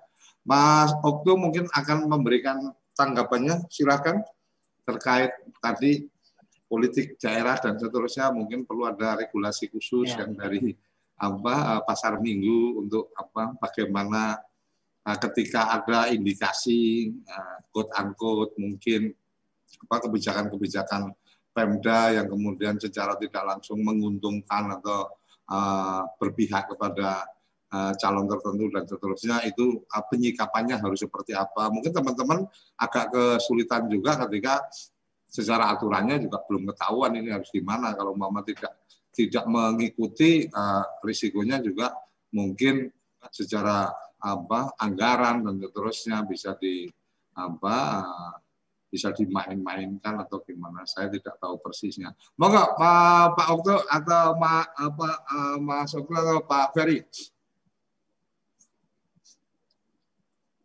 Mas Okto? Ya, oke. Kalau yang yang pertama adalah judul kita menghadirkan tata kelola Ya. untuk pelayanan masyarakat. Tapi sebelum ke sana, diskusi kita ini mengatakan bahwa kami juga butuh dilayani dong. Hmm. Kami di sini adalah pemerintah desa. Hmm. Kami ada di dalam berbagai permasalahan. Kami minta dilayani supaya kami bisa melayani. Ya, Salah satu titik poinnya di situ. sepakat. Tadi seperti di awal disampaikan sampaikan di awal bahwa Kementerian Dalam Negeri yang juga pemerintah daerah itu melakukan pembinaan dan pengawasan. Pembinaan dan pengawasan sehingga sesungguhnya desa itu tidak sendiri. Nah, sekarang memang menjadi pemikiran-pemikiran eh, dari pembina adalah bagaimana agar bisa menjawab desa di dalam kesendiriannya menghadapi berbagai permasalahan yang ditemukan. Lalu kemudian bagaimana solusi-solusinya dalam be- berbagai bentuk fasilitasi sehingga desa bisa dibantu. Secara prinsip, secara prinsip desa ini harus dimudahkan karena pembina pengawasnya cukup banyak. Hmm. Nah, maka sebenarnya di di kami selain kita melakukan pembinaan dan pengawasan, ya maksudnya pembinaan-pembinaan dalam bentuk sosialisasi, BIMTEK sistem terhadap tematik-tematik kebijakan yang kita sampaikan untuk seluruh lingkup tata kelola di desa, tidak hanya dalam lingkup pemerintahan desa, baik tidak hanya dalam lingkup kebutuhan pemerintah desa, tetapi lingkup pemerintahnya lebih luas, yaitu pembinaan terhadap bagaimana peran-peran lembaga lain di desa, di luar pemerintah desa, untuk mendorong menghadirkan tata kelola kemudahan-kemudahan urusan-urusan pemerintahan ini bisa terakses oleh masyarakat. Maka memang ini uh, kita sudah mulai menemukan pola-pola. Tadi juga Pak Direktur menyampaikan jam memang perlu harus terobosan-terobosan. Tadi juga beliau menyampaikan bahwa memang posisi TV desa ataupun lewat online ini menjadi juga efektif untuk bisa melakukan pendampingan-pendampingan. Memang kalau regulasi pun ya ada regulasi uh, dalam pengalaman saya di lapangan juga masalah di lapangan itu sangat kompleks. Ketika meminta satu hal direspon, sebenarnya ada sisi lain yang kemudian membuat ragu si pelaksana mengambil keputusan. Hmm. Tetapi ini adalah bagian dari upaya-upaya kita pemikiran-pemikiran untuk bagaimana membangun komunikasi sehingga ada permasalahan-permasalahan misalnya seperti yang dihadapi tadi ketika komunikasi intens dengan pihak daerah dan apa namanya pusat misalnya itu kemudian secara cepat bisa menemukan solusi-solusi. Kita dimudahkan dengan berbagai uh, apa namanya sarana-sarana online. Kalau sarana offline memang apa namanya berat bagi desa. Karena desa setiap kali pergerakan pergerakan konsultasi itu pengeluaran uang ya uang pribadi pasti dapatkan sana karena uang pribadinya tidak mendukung bisa lari ke mana-mana. Hmm. Saya rasa apa yang disampaikan tadi itu menjadi input juga ya. Saya, saya rasa itu juga menjadi input ke ke kita untuk bagaimana ke depan kita bisa hadir untuk uh, turut bagaimana memaksimalkan membantu desa di dalam berbagai permasalahannya. Uh, saya rasa titik titik pentingnya di situ uh, terlepas dari me meminta agar selalu ada pengaturan-pengaturan, ada respon-respon cepat berupa kebijakan, baik dalam bentuk peraturan, surat edaran, ya, ataupun yang lain. Tapi sesungguhnya kami ada fasilitas-fasilitas juga selain selain pembinaan offline maupun online. Eh, dalam substansi ya, ada pengaduan-pengaduan juga Pak. Bisa saja Bapak misalnya ada pengaduan-pengaduan, ada Kemendagri itu ada lapor. Bisa ketik di lapor, itu kementerian ter, terkonek. Nanti akan masuk ke kami, kami bisa proses-proses itu tidak tidak terlalu lama. Itu bisa segera itu bisa bisa kembali lagi terrespon di, ditanggapi oleh kami. Bisa juga masuk di ada website website konsultasi itu di di website Bina Pembes Pak jadi bisa bisa masuk di sana. Nah, perlu baga termasuk di jaminan pemerintahan desa. Semua ini kita saat ini melakukan penataan-penataan reformasi birokrasi, Pak. Jadi selain di desa itu didorong tata kelolanya, sebenarnya di kami juga didorong juga tata kelola. Sehingga kalau ketika semuanya bergerak dari sisi tata kelola, maka kemudahan-kemudahan pelayanan, fungsi-fungsi pelayanan yang menjadi titik diskusi malam ini, kita harapkan semakin uh, baik ke depan. Demikian Pak Pak Koco. Oke, Pak Direktur ini harus memberikan ini harus memberikan tambahan pencerahan. Silakan Pak Ferry. baik, uh, sedikit aja ya dari Pak Luki, Kumtua di Minahasa ya. Nah, itu di Minahasa itu Kumtua namanya Pak Luki. Pak ya, Luki ini. para desanya ya. Oke. Uh, terkait dengan uh, netralitas kades dan perangkat desa dalam suasana tahun politik di pemerintah daerah dalam pilkada ini. Jadi betul sekali itu Pak Koco apa yang disampaikan Pak Luki. Tapi berkaitan dengan uh, posisi kades dan perangkat terkait dengan uh, masalah politik itu jangankan pilkada Pak, untuk anggota DPRD, DPR, DPR RI pun nah, itu menjadikan basis itu kepala desa itu dalam rangka suara itu Ke, kekuatan penggalakan ya Pak ya? Iya, itu sudah bisa kita hindari itu. Itu adalah uh, upaya-upaya yang dilakukan oleh para uh, politisi-politisi kita. Uh, tapi sesungguhnya kalau kita mau taat asas undang-undang itu sudah memberikan guidance bahwa Ya. kepala desa, perangkat desa itu tidak boleh berpolitik. Dia tidak boleh terlibat di dalam partai politik, baik sebagai pengurus maupun anggota. Itu tidak boleh. Hmm. Kalau terlibat sebenarnya berdasarkan undang-undang itu berhak untuk bupati wali kota memberhentikan itu Hmm. secara hukum. Nah, itu. Kalau satu, Tapi kalau ini- satu partai jadinya malah nggak memberhenti, memberhentikan tuh Pak. Itu- tapi kan makanya perlu kita semua memberikan pengawasan yang baik, mewujudkan tata kelola desa. Memberikan pengawasan itu bukan hanya dari satu pihak, masyarakat pun boleh memberikan. Jadi itu eh, memang tapi tidak mudah ini mengimplementasikannya. Karena itu tadi ya seorang kepala desa ketika dipanggil Pak Bupati kan sudah anu juga sungkan. dia. Sungkan itu. Eh, tapi gini, yang saya ingin sampaikan, Pak Luki, ini Pak Luki karena dari Minahasa, pahamilah kepala desa itu adalah tokohnya masyarakat. Jadi jangan mau dibawa-bawa. Terapkan prinsipnya orang Minahasa, si tahu tu mau tu mau tahu. Nah, itu. Apa itu Pak? Ah, Pak Luki tahu itu. Nah, Ini yang harus dipahami oleh setiap desa, hak asal usulnya. Bagi orang Minahasa itu kalau dia tidak memahami si tahu tu mau tu mau tahu, jangan menjadi hukum tua. Hmm. Nah, Itu lakukan Pak Luki ya. Jadi Anda punya harkat martabat yang dihormati oleh politisi pun. Pak Bari, Pak Bari itu perlu perlu diterjemahkan itu Pak karena Ah. kerabat desa mungkin perlu perlu tahu juga ternyata mungkin di daerahnya ada juga hal-hal yang seperti itu. Ah, dia sudah tahu. Itu intinya ada bagaimana memanusiakan manusia itu pada posisi sebagaimana mestinya. Ah, Itu seorang kepala desa harus tahu. Itu khusus untuk di Minahasa. Lain lagi kalau di Sulawesi Tenggara harus paham kalau Sara. Lain lagi kalau di Sulawesi Selatan harus tahu rusak Tarwarung dan rusak Tarwade.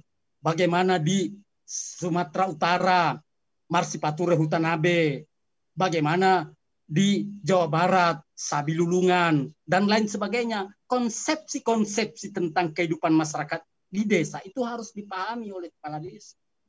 Itu, itu, itu yang saya eh, arahkan Pak Luki untuk bisa terhormat di dalam melaksanakan tugas sebagai kuntua. Yang kedua terkait dengan kades yang SMP perangkat SMA tadi sudah dijawab oleh Pak Koco itu keputusan politik. Tapi penjelasannya begini. Lihat saja deh, syarat menjadi camat itu lebih sulit kalau dari segi pendidikan daripada menjadi presiden. Presiden itu SMA boleh.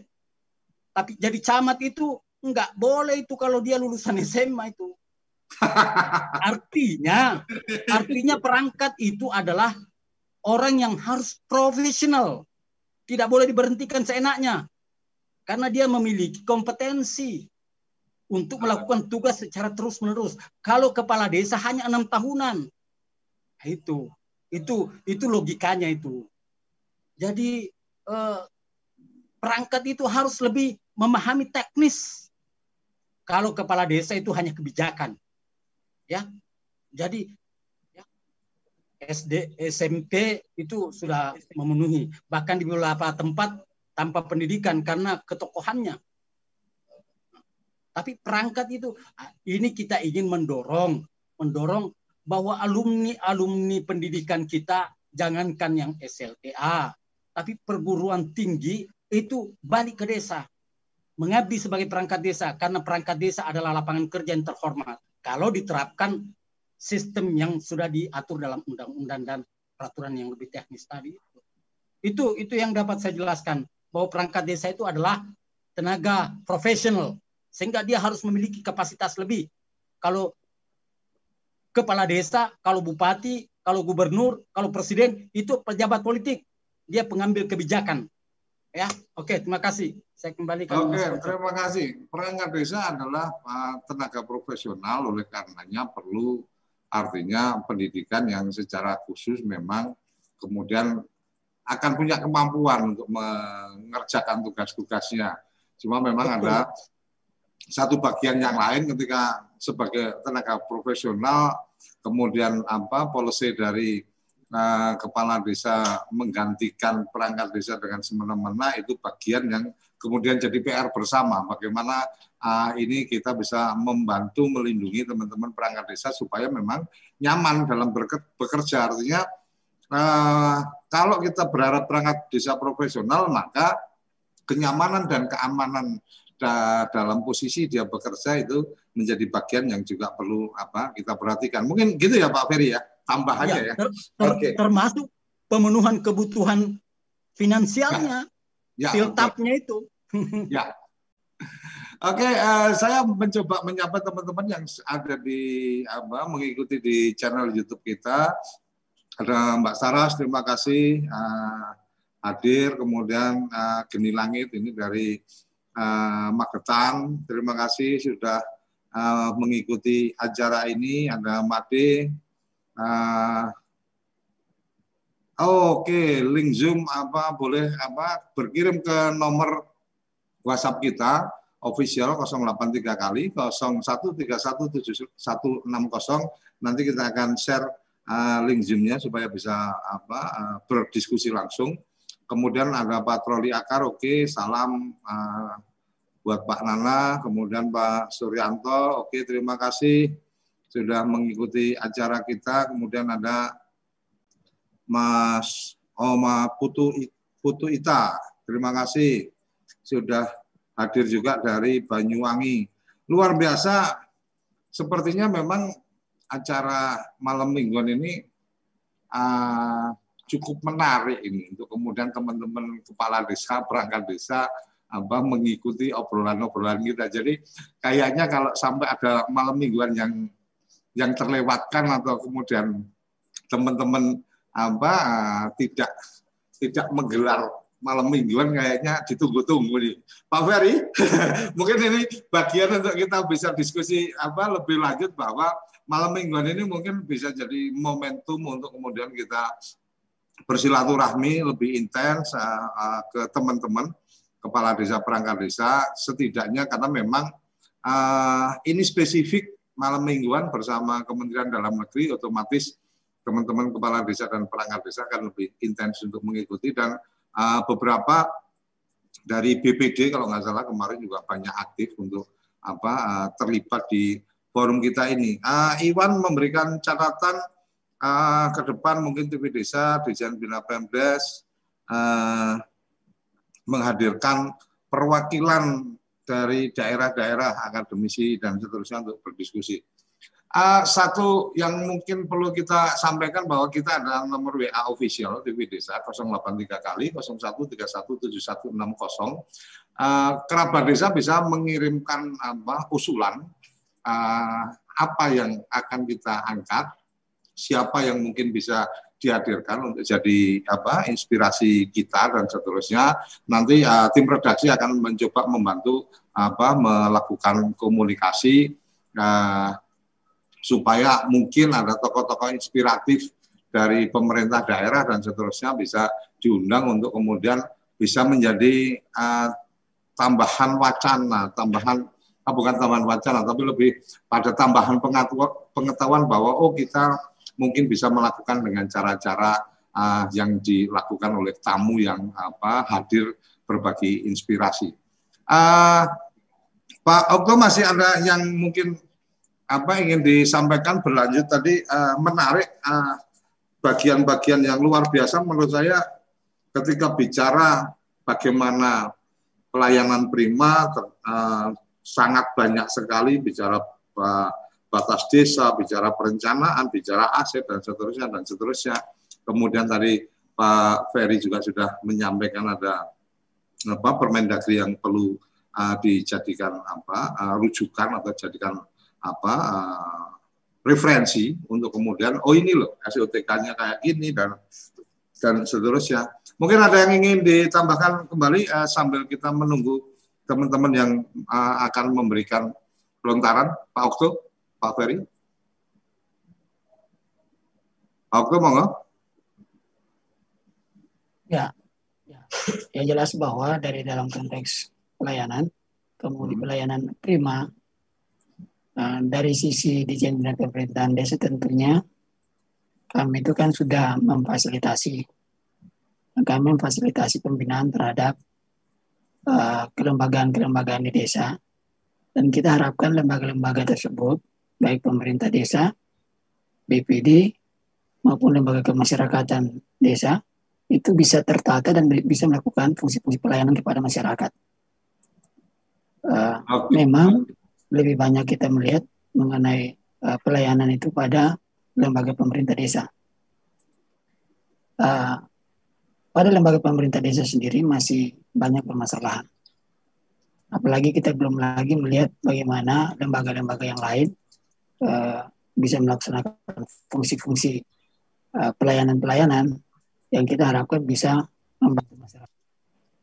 Ini adalah tantangan kita semua. Tantangan kita adalah bagaimana lembaga-lembaga itu bisa melaksanakan tata kelolanya tata kelola berupa berbagai kebijakan yang kita sudah fasilitasi untuk hadir di lembaga-lembaga di desa. Namun memang desa sendiri dalam keterbatasan-keterbatasan. Sehingga butuh uh, metode-metode yang lebih inovatif, uh, pola-pola pembinaan yang lebih teknis, sehingga kemudian uh, desa dan berbagai kelembagaan uh, baik itu aparat pemerintah desa maupun pengurus-pengurus di kelembagaan yang lain mereka bisa terbantu untuk memahami secara teknis. Selanjutnya mereka melakukan penataan terhadap kelembagaannya lalu kemudian mereka bisa melakukan fungsi-fungsi mereka sehingga kehadiran menghadirkan tata kelola itu bisa terasa di lapangan tentu desa tidak sendiri, tapi ada kecamatan, ada kabupaten, kota, provinsi, pusat. Pada malam hari ini adalah kami mewakili pusat untuk mendiskusikan. Sehingga tentu pikiran kita karena kita namanya sini adalah Dijen Bina Pemerintahan Desa, berarti pikiran bagaimana tata kelola itu bisa terjadi secara efektif dan efisien dalam konteks uh, saya bahwa uh, apa namanya mau, mau mengawal program dan anggaran untuk bagaimana bisa mendorong sehingga capaian-capaian itu bisa terukur. Memang tidak semudah yang seperti yang kita pikirkan. Oh, Tetapi tetap kita tetap kita terus untuk bagaimana bisa mendapatkan hal-hal terobosan untuk bisa uh, menjawab berbagai permasalahan ataupun kebutuhan-kebutuhan yang terjadi di lapangan. Mungkin itu Pak Pak Koco. Oke, sudah ada Mas nama Hermawan. Silakan Mas. Uh, ada yang ingin disampaikan langsung ke Pak Oktoma atau Pak Direktur atau ada sesuatu yang ingin di lontarkan ide. Monggo. Mas Hermawan. Halo.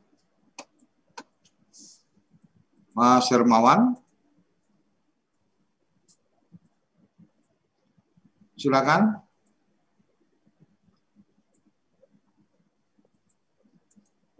Silakan sudah saya unmute dari sini. Ya,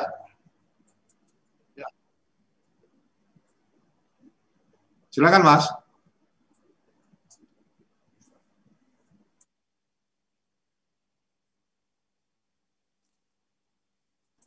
Kesulitan untuk ber apa mengonkan uh, mic-nya. Mas Nama udah bisa? Sinyal mungkin. Kita uh, mungkin ah udah silakan Mas. Silakan Mas. J. Monggo. Uh, Assalamualaikum, uh, selamat malam Pak Dirjen dari uh, Bina Pemdes, teman-teman uh, yang ada di seluruh Indonesia. Izin Pak, uh, saya dari uh, Kabupaten Bogor, bareng dengan Mas Iwan. Oke. Okay. Uh, alangkah menarik uh, topik malam ini terkait uh, uh, peningkatan uh, pelayanan di pemerintahan desa. Lagi-lagi Pak, uh, fenomena kita di uh, perangkat saat ini mungkin ya, uh, khususnya di wilayah Jawa Barat, apa yang tadi saya utarakan di chat, ini adalah salah satu uh, masalah atau trouble. Bagaimana pelayanan di desa itu mau prima, sementara setiap enam tahun sekali itu rata-rata setiap itu udah musiman, Mbak. Kalau ada penggantian kepala desa, perangkat akan ganti. Jadi bahas kata balik ke nol lagi ke nol lagi. Nah ini saya berharap ke depan ya walaupun uh, ambil contoh di Kabupaten Bogor ada perda yang mengatur terkait mekanisme pemberhentian dan uh, pengangkatan. Tapi masih banyak terjadi. Ini yang udah ada perdanya aja masih banyak terjadi. Saya berharap ada uh, sebuah uh, peraturan perundang-undangan yang apa memuat sanksi tegas apabila memang kepala desa memberhentikan perangkat desa tanpa melalui mekanisme itu harus ada ya jangan hanya sanksi perdata aja pak. Minimal SK-nya itu harus dicabut lah sama eh, kepala daerah tersebut. Kalau itu dibiarkan pelayanan prima di pemerintahan desa itu hanya akan jadi mimpi. Tidak akan tidak akan bisa maksimal. Karena itu udah jadi fenomena enam tahun sekali. Dan ya mungkin nggak tahu teman-teman di Minahasa ataupun di daerah uh, Jawa Timur sana. Nah, apakah sama halnya terjadi seperti yang kejadiannya di wilayah khususnya di misalkan di Kabupaten Bogor pada saat uh, pergantian kepala desa itu ya perangkat hampir 80% pasti akan ganti. Nah, kalau misalnya uh, tadi kita singgung ada uh, beberapa teman menyinggung sebenarnya kepala desa itu bukan jabatan politik. Jadi yang memang suka jadi saya katakan aja manfaat lah. Setiap ada perhelatan pilkada, calon kepala daerah itu suka apa membidik oh bahwa kepala desa ini jadi lumbung suara buat apa eh, calon kepala daerah tersebut. Nah ini pun kalau bicara peraturan sebenarnya sudah jelas bahwa ya kepala desa tidak boleh berpartai politik. Tapi kepala desa suka jadi ajas manfaat setiap eh, hajat musiman pilkada. Nah maksud saya di sini sanksi tegas harus ada ya kalau bicara perda kayaknya masih karet lama. Jadi kalau kita lihat di beberapa daerah teman-teman yang ngaju ke PTUN, ya walaupun mereka menang, ya tadi sisi kejiwaan, sisi kebatinan teman-teman perangkat yang menang di PTUN ini bisa dia tidak kembali ke pemerintahan desa tersebut yang memecatnya mereka. Nah, tolong ya harus ada pembinaan lah kepada uh, para kepala daerah, baik itu yang sekarang menjabat ataupun nanti yang terpilih pada saat pilkada serentak. Jadi minimal mereka diberikan wawasan, bimbingan ataupun apa sebuah pemahaman bahwa pergantian perangkat itu tidak boleh sewenang-wenang dilakukan oleh kepala desa. Mungkin dari saya sekian, uh, kurang lebihnya mohon maaf. Wabillahi taufiq wa hidayah. Wassalamualaikum warahmatullahi wabarakatuh.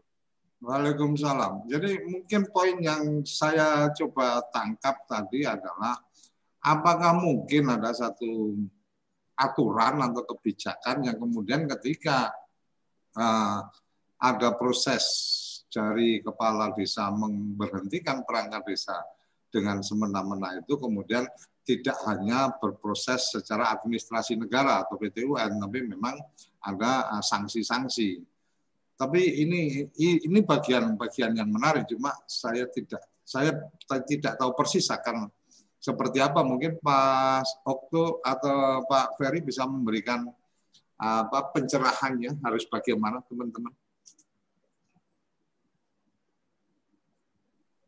Oke, saya langsung ya. Mas Koco. Silakan, silakan. Saya, saya langsung aja. Ya. Jadi gini, uh, sanksi tegas kepada kades yang sewenang-wenang seperti itu, saya kira uh, sekali lagi regulasi dulu di tingkat kabupaten itu harus jelas. Oke. Okay. Nah, kalau Bogor ini mengatakan sudah, alhamdulillah. Uh, saya kira tanpa ada perda pun, seandainya mau taat azas pemerintah daerah dalam hal ini kabupaten kota melakukan pembinaan kepada kepala desa itu bupati wali kota itu berhak memberikan teguran tertulis berdasarkan undang-undang kalau terjadi pelanggaran dalam rangka penyelenggaraan pemerintahan desa. Tapi tentulah hmm. harus diberikan pembelajaran dulu, pembelajaran dulu. Ada teguran bahwa ini seperti ini. Uh, itu uh, bahkan sampai kepada bisa memberhentikan kalau terjadi kepala desa melakukan seperti itu. Ini ini yang pertama saya mau sampaikan. Yang kedua berkaitan dengan uh, bupati wali kota yang sudah ada aturannya tapi tidak menerapkan itu. Itu tadi di awal yang saya sudah katakan. Saat ini sedang kita memikirkan untuk merumuskan suatu regulasi berkaitan dengan evaluasi kepada pemerintah daerah dalam rangka melakukan pembinaan kepada desa di wilayahnya, termasuk dalam hmm. hal ini bagaimana pembinaan kepada perangkat desanya diterapkan dengan baik sesuai dengan peraturan perundangan. Itu. Jadi uh, ya terima kasih Pak Hermawan. Saya kira uh, semakin menyadarkan kepada kita.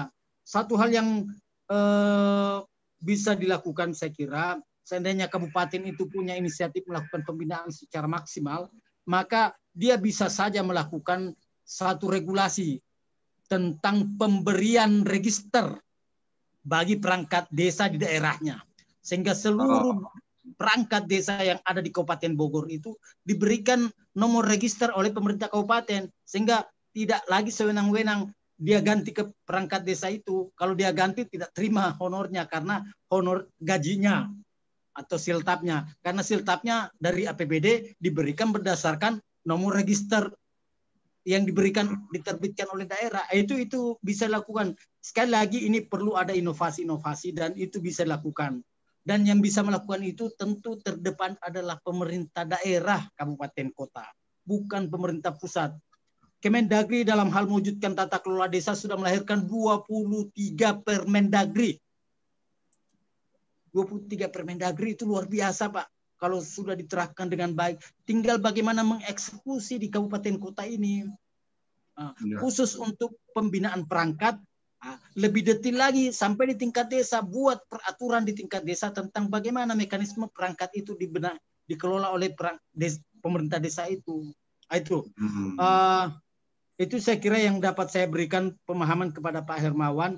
Uh, Pak Koco saya karena mau akhiri saya sedikit ingin memberikan closingnya karena saya mau ada pamit. Uh, apa yang disampaikan tadi Pak Oto tentang lembaga-lembaga desa itu di desa itu saya kira betul sekali. Marilah bersama-sama. Jangan ada pendikotomian. Pemerintah desa, lembaga kemasyarakatan, lembaga adat, BPD dan lain sebagainya. Yakinlah desa itu intinya adalah pemberdayaan masyarakat. Saya di kesempatan yang lalu sudah saya katakan bahwa lahirnya semangat Undang-Undang Nomor 6 itu adalah desentralisasi kewenangan negara kepada masyarakat membangun negara ini untuk mencapai tujuannya. Oleh karena itu pemerintah desa, lembaga adat desa, lembaga masyarakat desa, BPD dan seluruh lembaga yang ada di masyarakat itu adalah satu kesatuan yang utuh. Pengistilahan yang kita katakan pemerintah desa itu hanya nomenklatur-nomenklatur, tetapi sesungguhnya dia tidak boleh terdikotomikan antara satu dengan yang lain karena esensinya desa adalah masyarakat itu. Makanya musdes. Nah, itu yang pertama saya ingin sampaikan. Yang kedua, kalau kita ingin mewujudkan asas lahirnya Undang-Undang Nomor 6 tentang desa, yaitu asas recognize, tidak bisa ditawar lagi. Desa itu harus menjelaskan dirinya dalam bentuk peraturan. Itulah esensi recognize. Bagaimana mungkin kita memberikan pengakuan kalau dia tidak menjelaskan dirinya dalam bentuk peraturan? bahwa desa ini hak asal usulnya begini, mengelolanya eh, pemerintahan desa, perangkat desa, lembaga desa dan lain sebagainya seperti ini. Desa itu yang harus terdepan merumuskan segala bentuk aturan tentang dirinya supaya bisa diberikan recognize. Kita tidak akan bisa memberikan pemahaman tentang apa desa itu kalau dia tidak menjelaskan dirinya. Artinya mengelola desa itu ke depan harus berdasarkan atas penjelasan dirinya dalam bentuk peraturan. Dalam bentuk perdes, peraturan kepala desa, peraturan bersama desa, dan berbagai regulasi di tingkat desa. Makanya jangan hanya perdes APBDes, perdes tahunan, harus ada perdes-perdes tematik. Saya kira itu dari saya, Pak maaf saya mendahului karena ada acara yang harus saya diri. Oke, terima kasih Pak Ferry uh, sudah memberikan pencerahannya luar biasa. Uh, ada sesuatu yang menarik tadi yang disampaikan Pak Ferry tentang bagaimana apa uh, undang-undang desa bicara tentang apa recognize kemudian bagaimana kemudian desa juga harus apa uh, menjelaskan atau membuat aturan-aturan bahwa ini loh uh, desa kami itu uh, apa posisinya seperti ini secara aturan kami apa menyepakati hal-hal seperti ini dan seterusnya. Sudah hadir tadi resen Mas Joko Puguh. Silakan Mas Joko ada yang ingin disampaikan? Terima kasih Mas Suryo. Yeah. Terima kasih Mas. Ini kebetulan saya di kampung ini jadi saya tertarik dengan apa diskusi kali ini. Tapi yang menarik gini Mas Joko, eh, Mas Suryo. Saya ini kalau kita kembali ke tata kelola pemerintahan desa dalam rangka pelayanan prima ya. Ini ini kita apa kembali ke ke topiknya. Sebenarnya benar Pak Oto tadi bahwa desa itu kan sebenarnya harus mempresentasikan dirinya itu seperti apa gitu loh. Karena di sini desa itu kalau kita lihat kalau konsepnya di undang-undang desa kan desa itu punya satu namanya kewenangan, punya sumber daya, punya power, punya energi. Persoalannya kalau keduanya itu tidak diaktualisasikan, tentu tidak akan terjadi pelayanan prima gitu loh, Mas. Nah, persoalan sekarang yang di, di, di apa disampaikan tadi kan berputar-putar pada satu aspek politis, kemudian aspek SDM, iya. Tapi yang menarik dari Pak Oto, kalau saya melihat saya beberapa mendampingi teman-teman di desa, itu memang desa itu perangkat desa dan kepala desa itu mencari jalannya sendiri-sendiri loh, Mas. Hmm. Tidak ada yang namanya pembinaan dari pemerintah kabupaten pada umumnya. Oh. Dan studi-studi ini memang banyak itu. Jadi mereka mencari jalannya sendiri kok, teman-teman kepala desa. Tadi Pak Oto menarik sebenarnya. Yang diharapkan desa dengan adanya pendamping harus ada satu keberanian. Bagaimana menerbitkan keberanian para kepala desa untuk menggunakan kewenangannya ini loh. Ini yang tidak ada. Nah, jadi mereka dalam tanda kutip itu dibiarkan. Urusan pemerintahan desa adalah urusan tadi menarik tadi yang pertama tadi ada urusan dana desa. Kan terlalu simpel Thomas. Okay. Tapi sebenarnya kualitas pemanfaatan dana desa, kalau itu dipahami kualitas benar, itu akan timbul pelayanan prima sebenarnya. Hmm. Artinya apa? Memang sekarang ini, tadi saya ada satu yang bagus dari Pak Oto kalau tidak salah. Jangan semua dikotomikan ini pusat, ini pusat. Tidak, dengan sekian Permendagri lebih dari cukup. Persoalannya dari seluruh peraturan tadi itu nyampe nggak kepada teman-teman di desa. Hmm. Itu teknokratis semua loh, Mas. Mulai dari permen itu teknokratis loh. Nah, yang menjembatani siapa? Menurut pengalaman saya, yang harusnya adalah pemerintah kabupaten kota dan teman-teman pendamping. Hmm. Saya berani loh.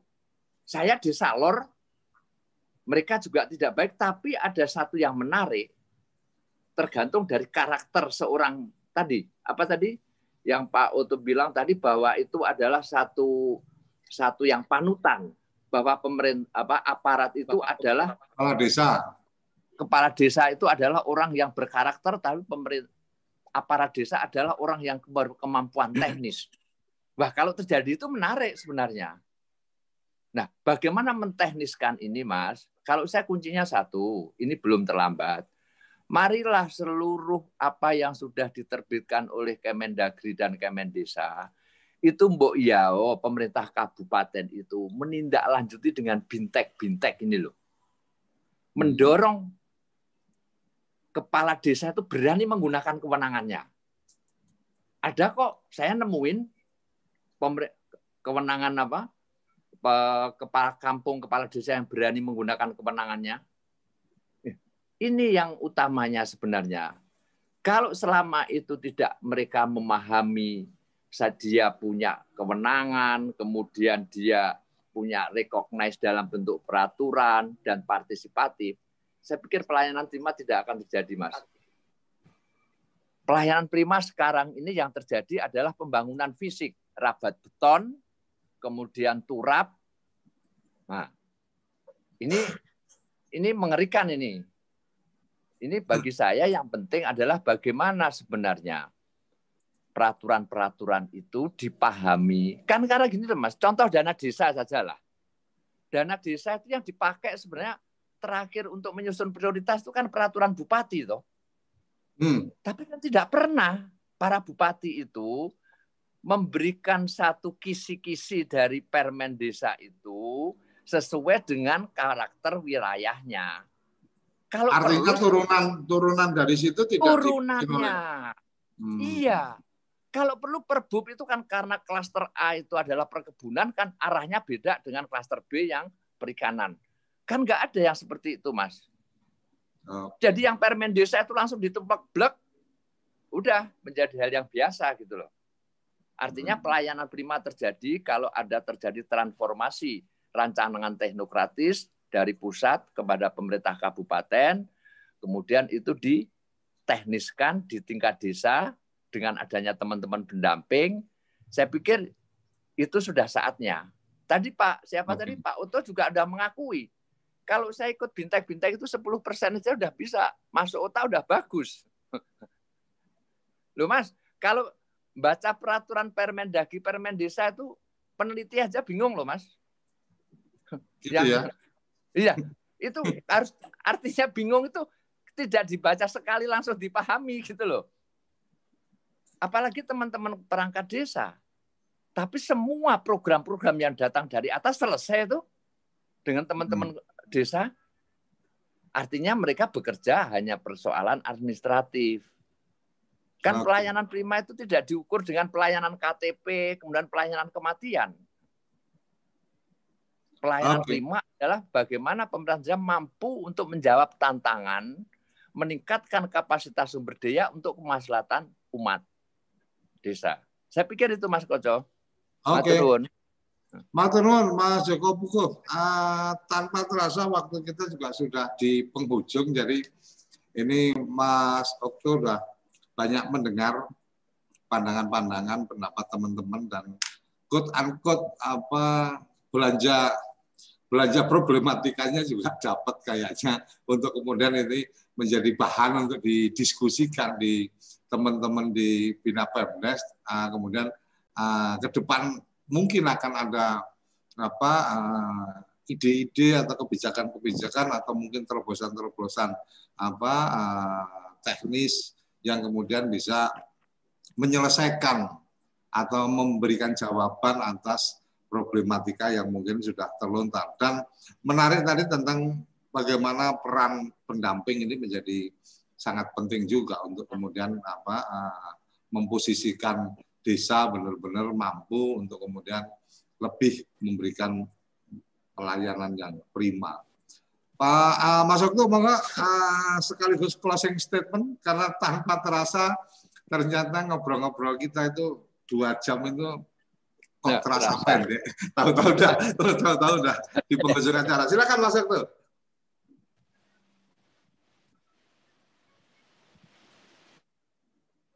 Iya Pak. J, monggo. Halo, ini agak sedikit gangguan. Ya. Uh, bagaimana Pak?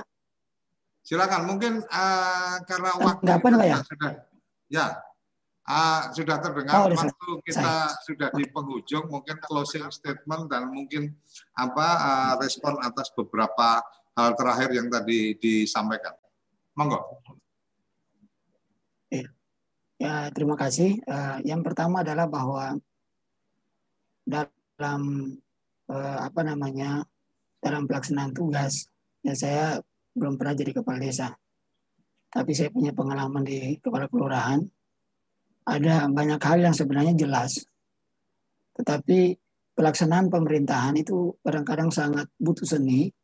Hmm. dan butuh itu sangat sangat fleksibel sekali. Kadang-kadang kita ada dalam kesendirian, kita ada dalam uh, kesendirian di dalam pengambilan keputusan. Atau dengan kata lain bahwa uh, kepala desa sendiri sebagai sentral itu kadang-kadang menjadi apa namanya uh, dalam hal-hal tertentu kelihatannya tidak berani dalam pengambilan keputusan. Demikian juga pada level pemerintahan yang di atas karena banyak variabel yang mempengaruhi. Tapi pada intinya adalah dalam rangka menghadirkan tata kelola, maka memang desa tidak, tidak boleh uh, ada dalam kesendirian itu, tetapi harus uh, mendapatkan pendampingan secara struktur yang kuat dari uh, pemerintahan di tingkat atasnya, sehingga desa sendiri ya karena memang pemerintah di tingkat atas, atasnya itu sendiri mempunyai fungsi, fungsi untuk melakukan pembinaan dan pengawasan pemerintah pusat kepada daerah dan desa dan juga uh, termasuk bahkan kecamatan pembinaan ini uh, ke depan memang uh,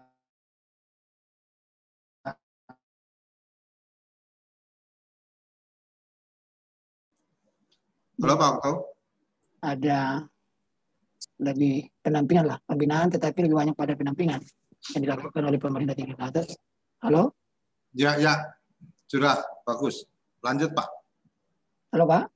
Ya, ya. Ya, mungkin nanti eh, lebih optimal lagi untuk kita mau melakukan inovasi-inovasi dalam rangka menghadirkan pembinaan yang paling utama adalah asistensi Pak.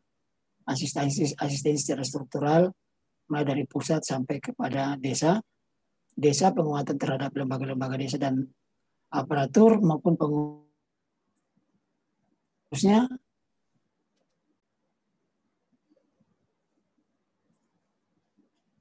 Halo. layanan prima. Okto. Ya.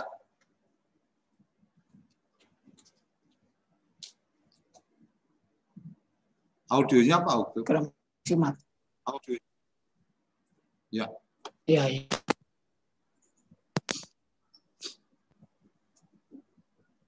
Oke, eh, mungkin sinyal dari Pak Okto, tapi eh, kita sudah mencoba Jaringan. apa? Ya, halo Pak. Iya, ya Pak. Mungkin jaringan Pak. Oke, ya siap. Halo, Ya, halo Pak. silakan. Ada Ya, yang ingin ditambahkan? Silakan. Iya, iya Pak. Jadi prinsipnya kita tahu bahwa ya desa itu mempunyai permasalahan yang banyak. Intinya adalah dalam pembinaan melakukan asistensi-asistensi, eh, pendampingan-pendampingan sehingga desa tidak ada dalam kesendirian tetapi desa untuk bisa memberikan pelayanan yang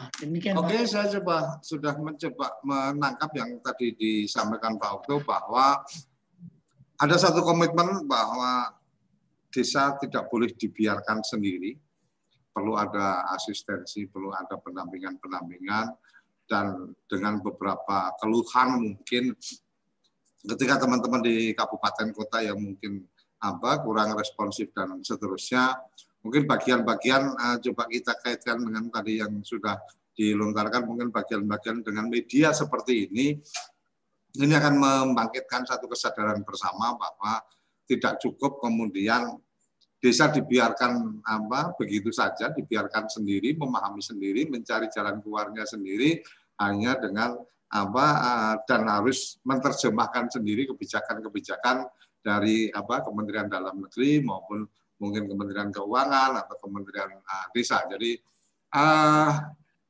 luar biasa malam ini bermula kita mendiskusikan tentang tata kelola pemerintahan desa, ada satu kata menarik yang disampaikan Pak Okto adalah bagaimana kita tidak boleh membiarkan desa dalam kesendirian. Oke, uh, tanpa terasa kerabat desa kita sudah sampai di penghujung acara. Terima kasih teman-teman yang sudah mengikut uh, kerabat desa yang sudah mengikuti di channel YouTube kita. Siaran TV Desa di samping menggunakan uh, Zoom meeting untuk kemudian kita berinteraksi, kita juga menggunakan channel YouTube untuk live interaktifnya uh, di forum chattingnya, dan kita juga disiarkan melalui satelit Telkom 4 merah putih dan kemudian satelit uh, Nusantara 1 untuk teman-teman juga kerabat desa juga bisa mengikuti live-nya ada di uh, aplikasi Genflix. Untuk yang terlambat dan mungkin apa uh, tidak sempat untuk kemudian apa mengambil uh, menonton ulang di channel YouTube, kami juga mengembangkan podcast. Jadi teman-teman bisa cari di Sporty dan semua platform aplikasi untuk apa player, player podcast itu uh, semua obrolan-obrolan di TV Desa uh, kita upload di sana sehingga teman-teman mungkin bisa mendengarkan untuk kemudian apa uh, referensi-referensi menambah apa gizi pengetahuan tentang kita uh, memuliakan desa-desa di Indonesia. Sampai di sini uh, malam mingguan desa bersama Kementerian Dalam Negeri.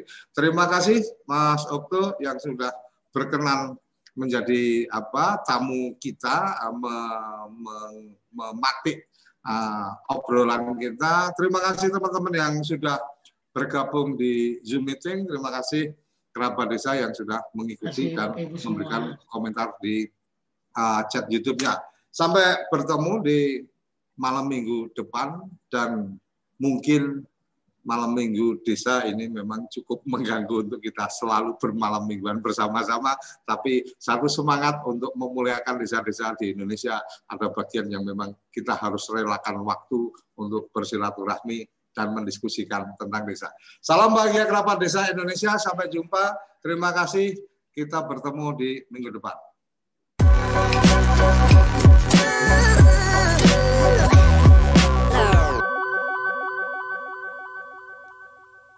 Acara ini didukung oleh Desa WiFi Tol Langit Desa Indonesia.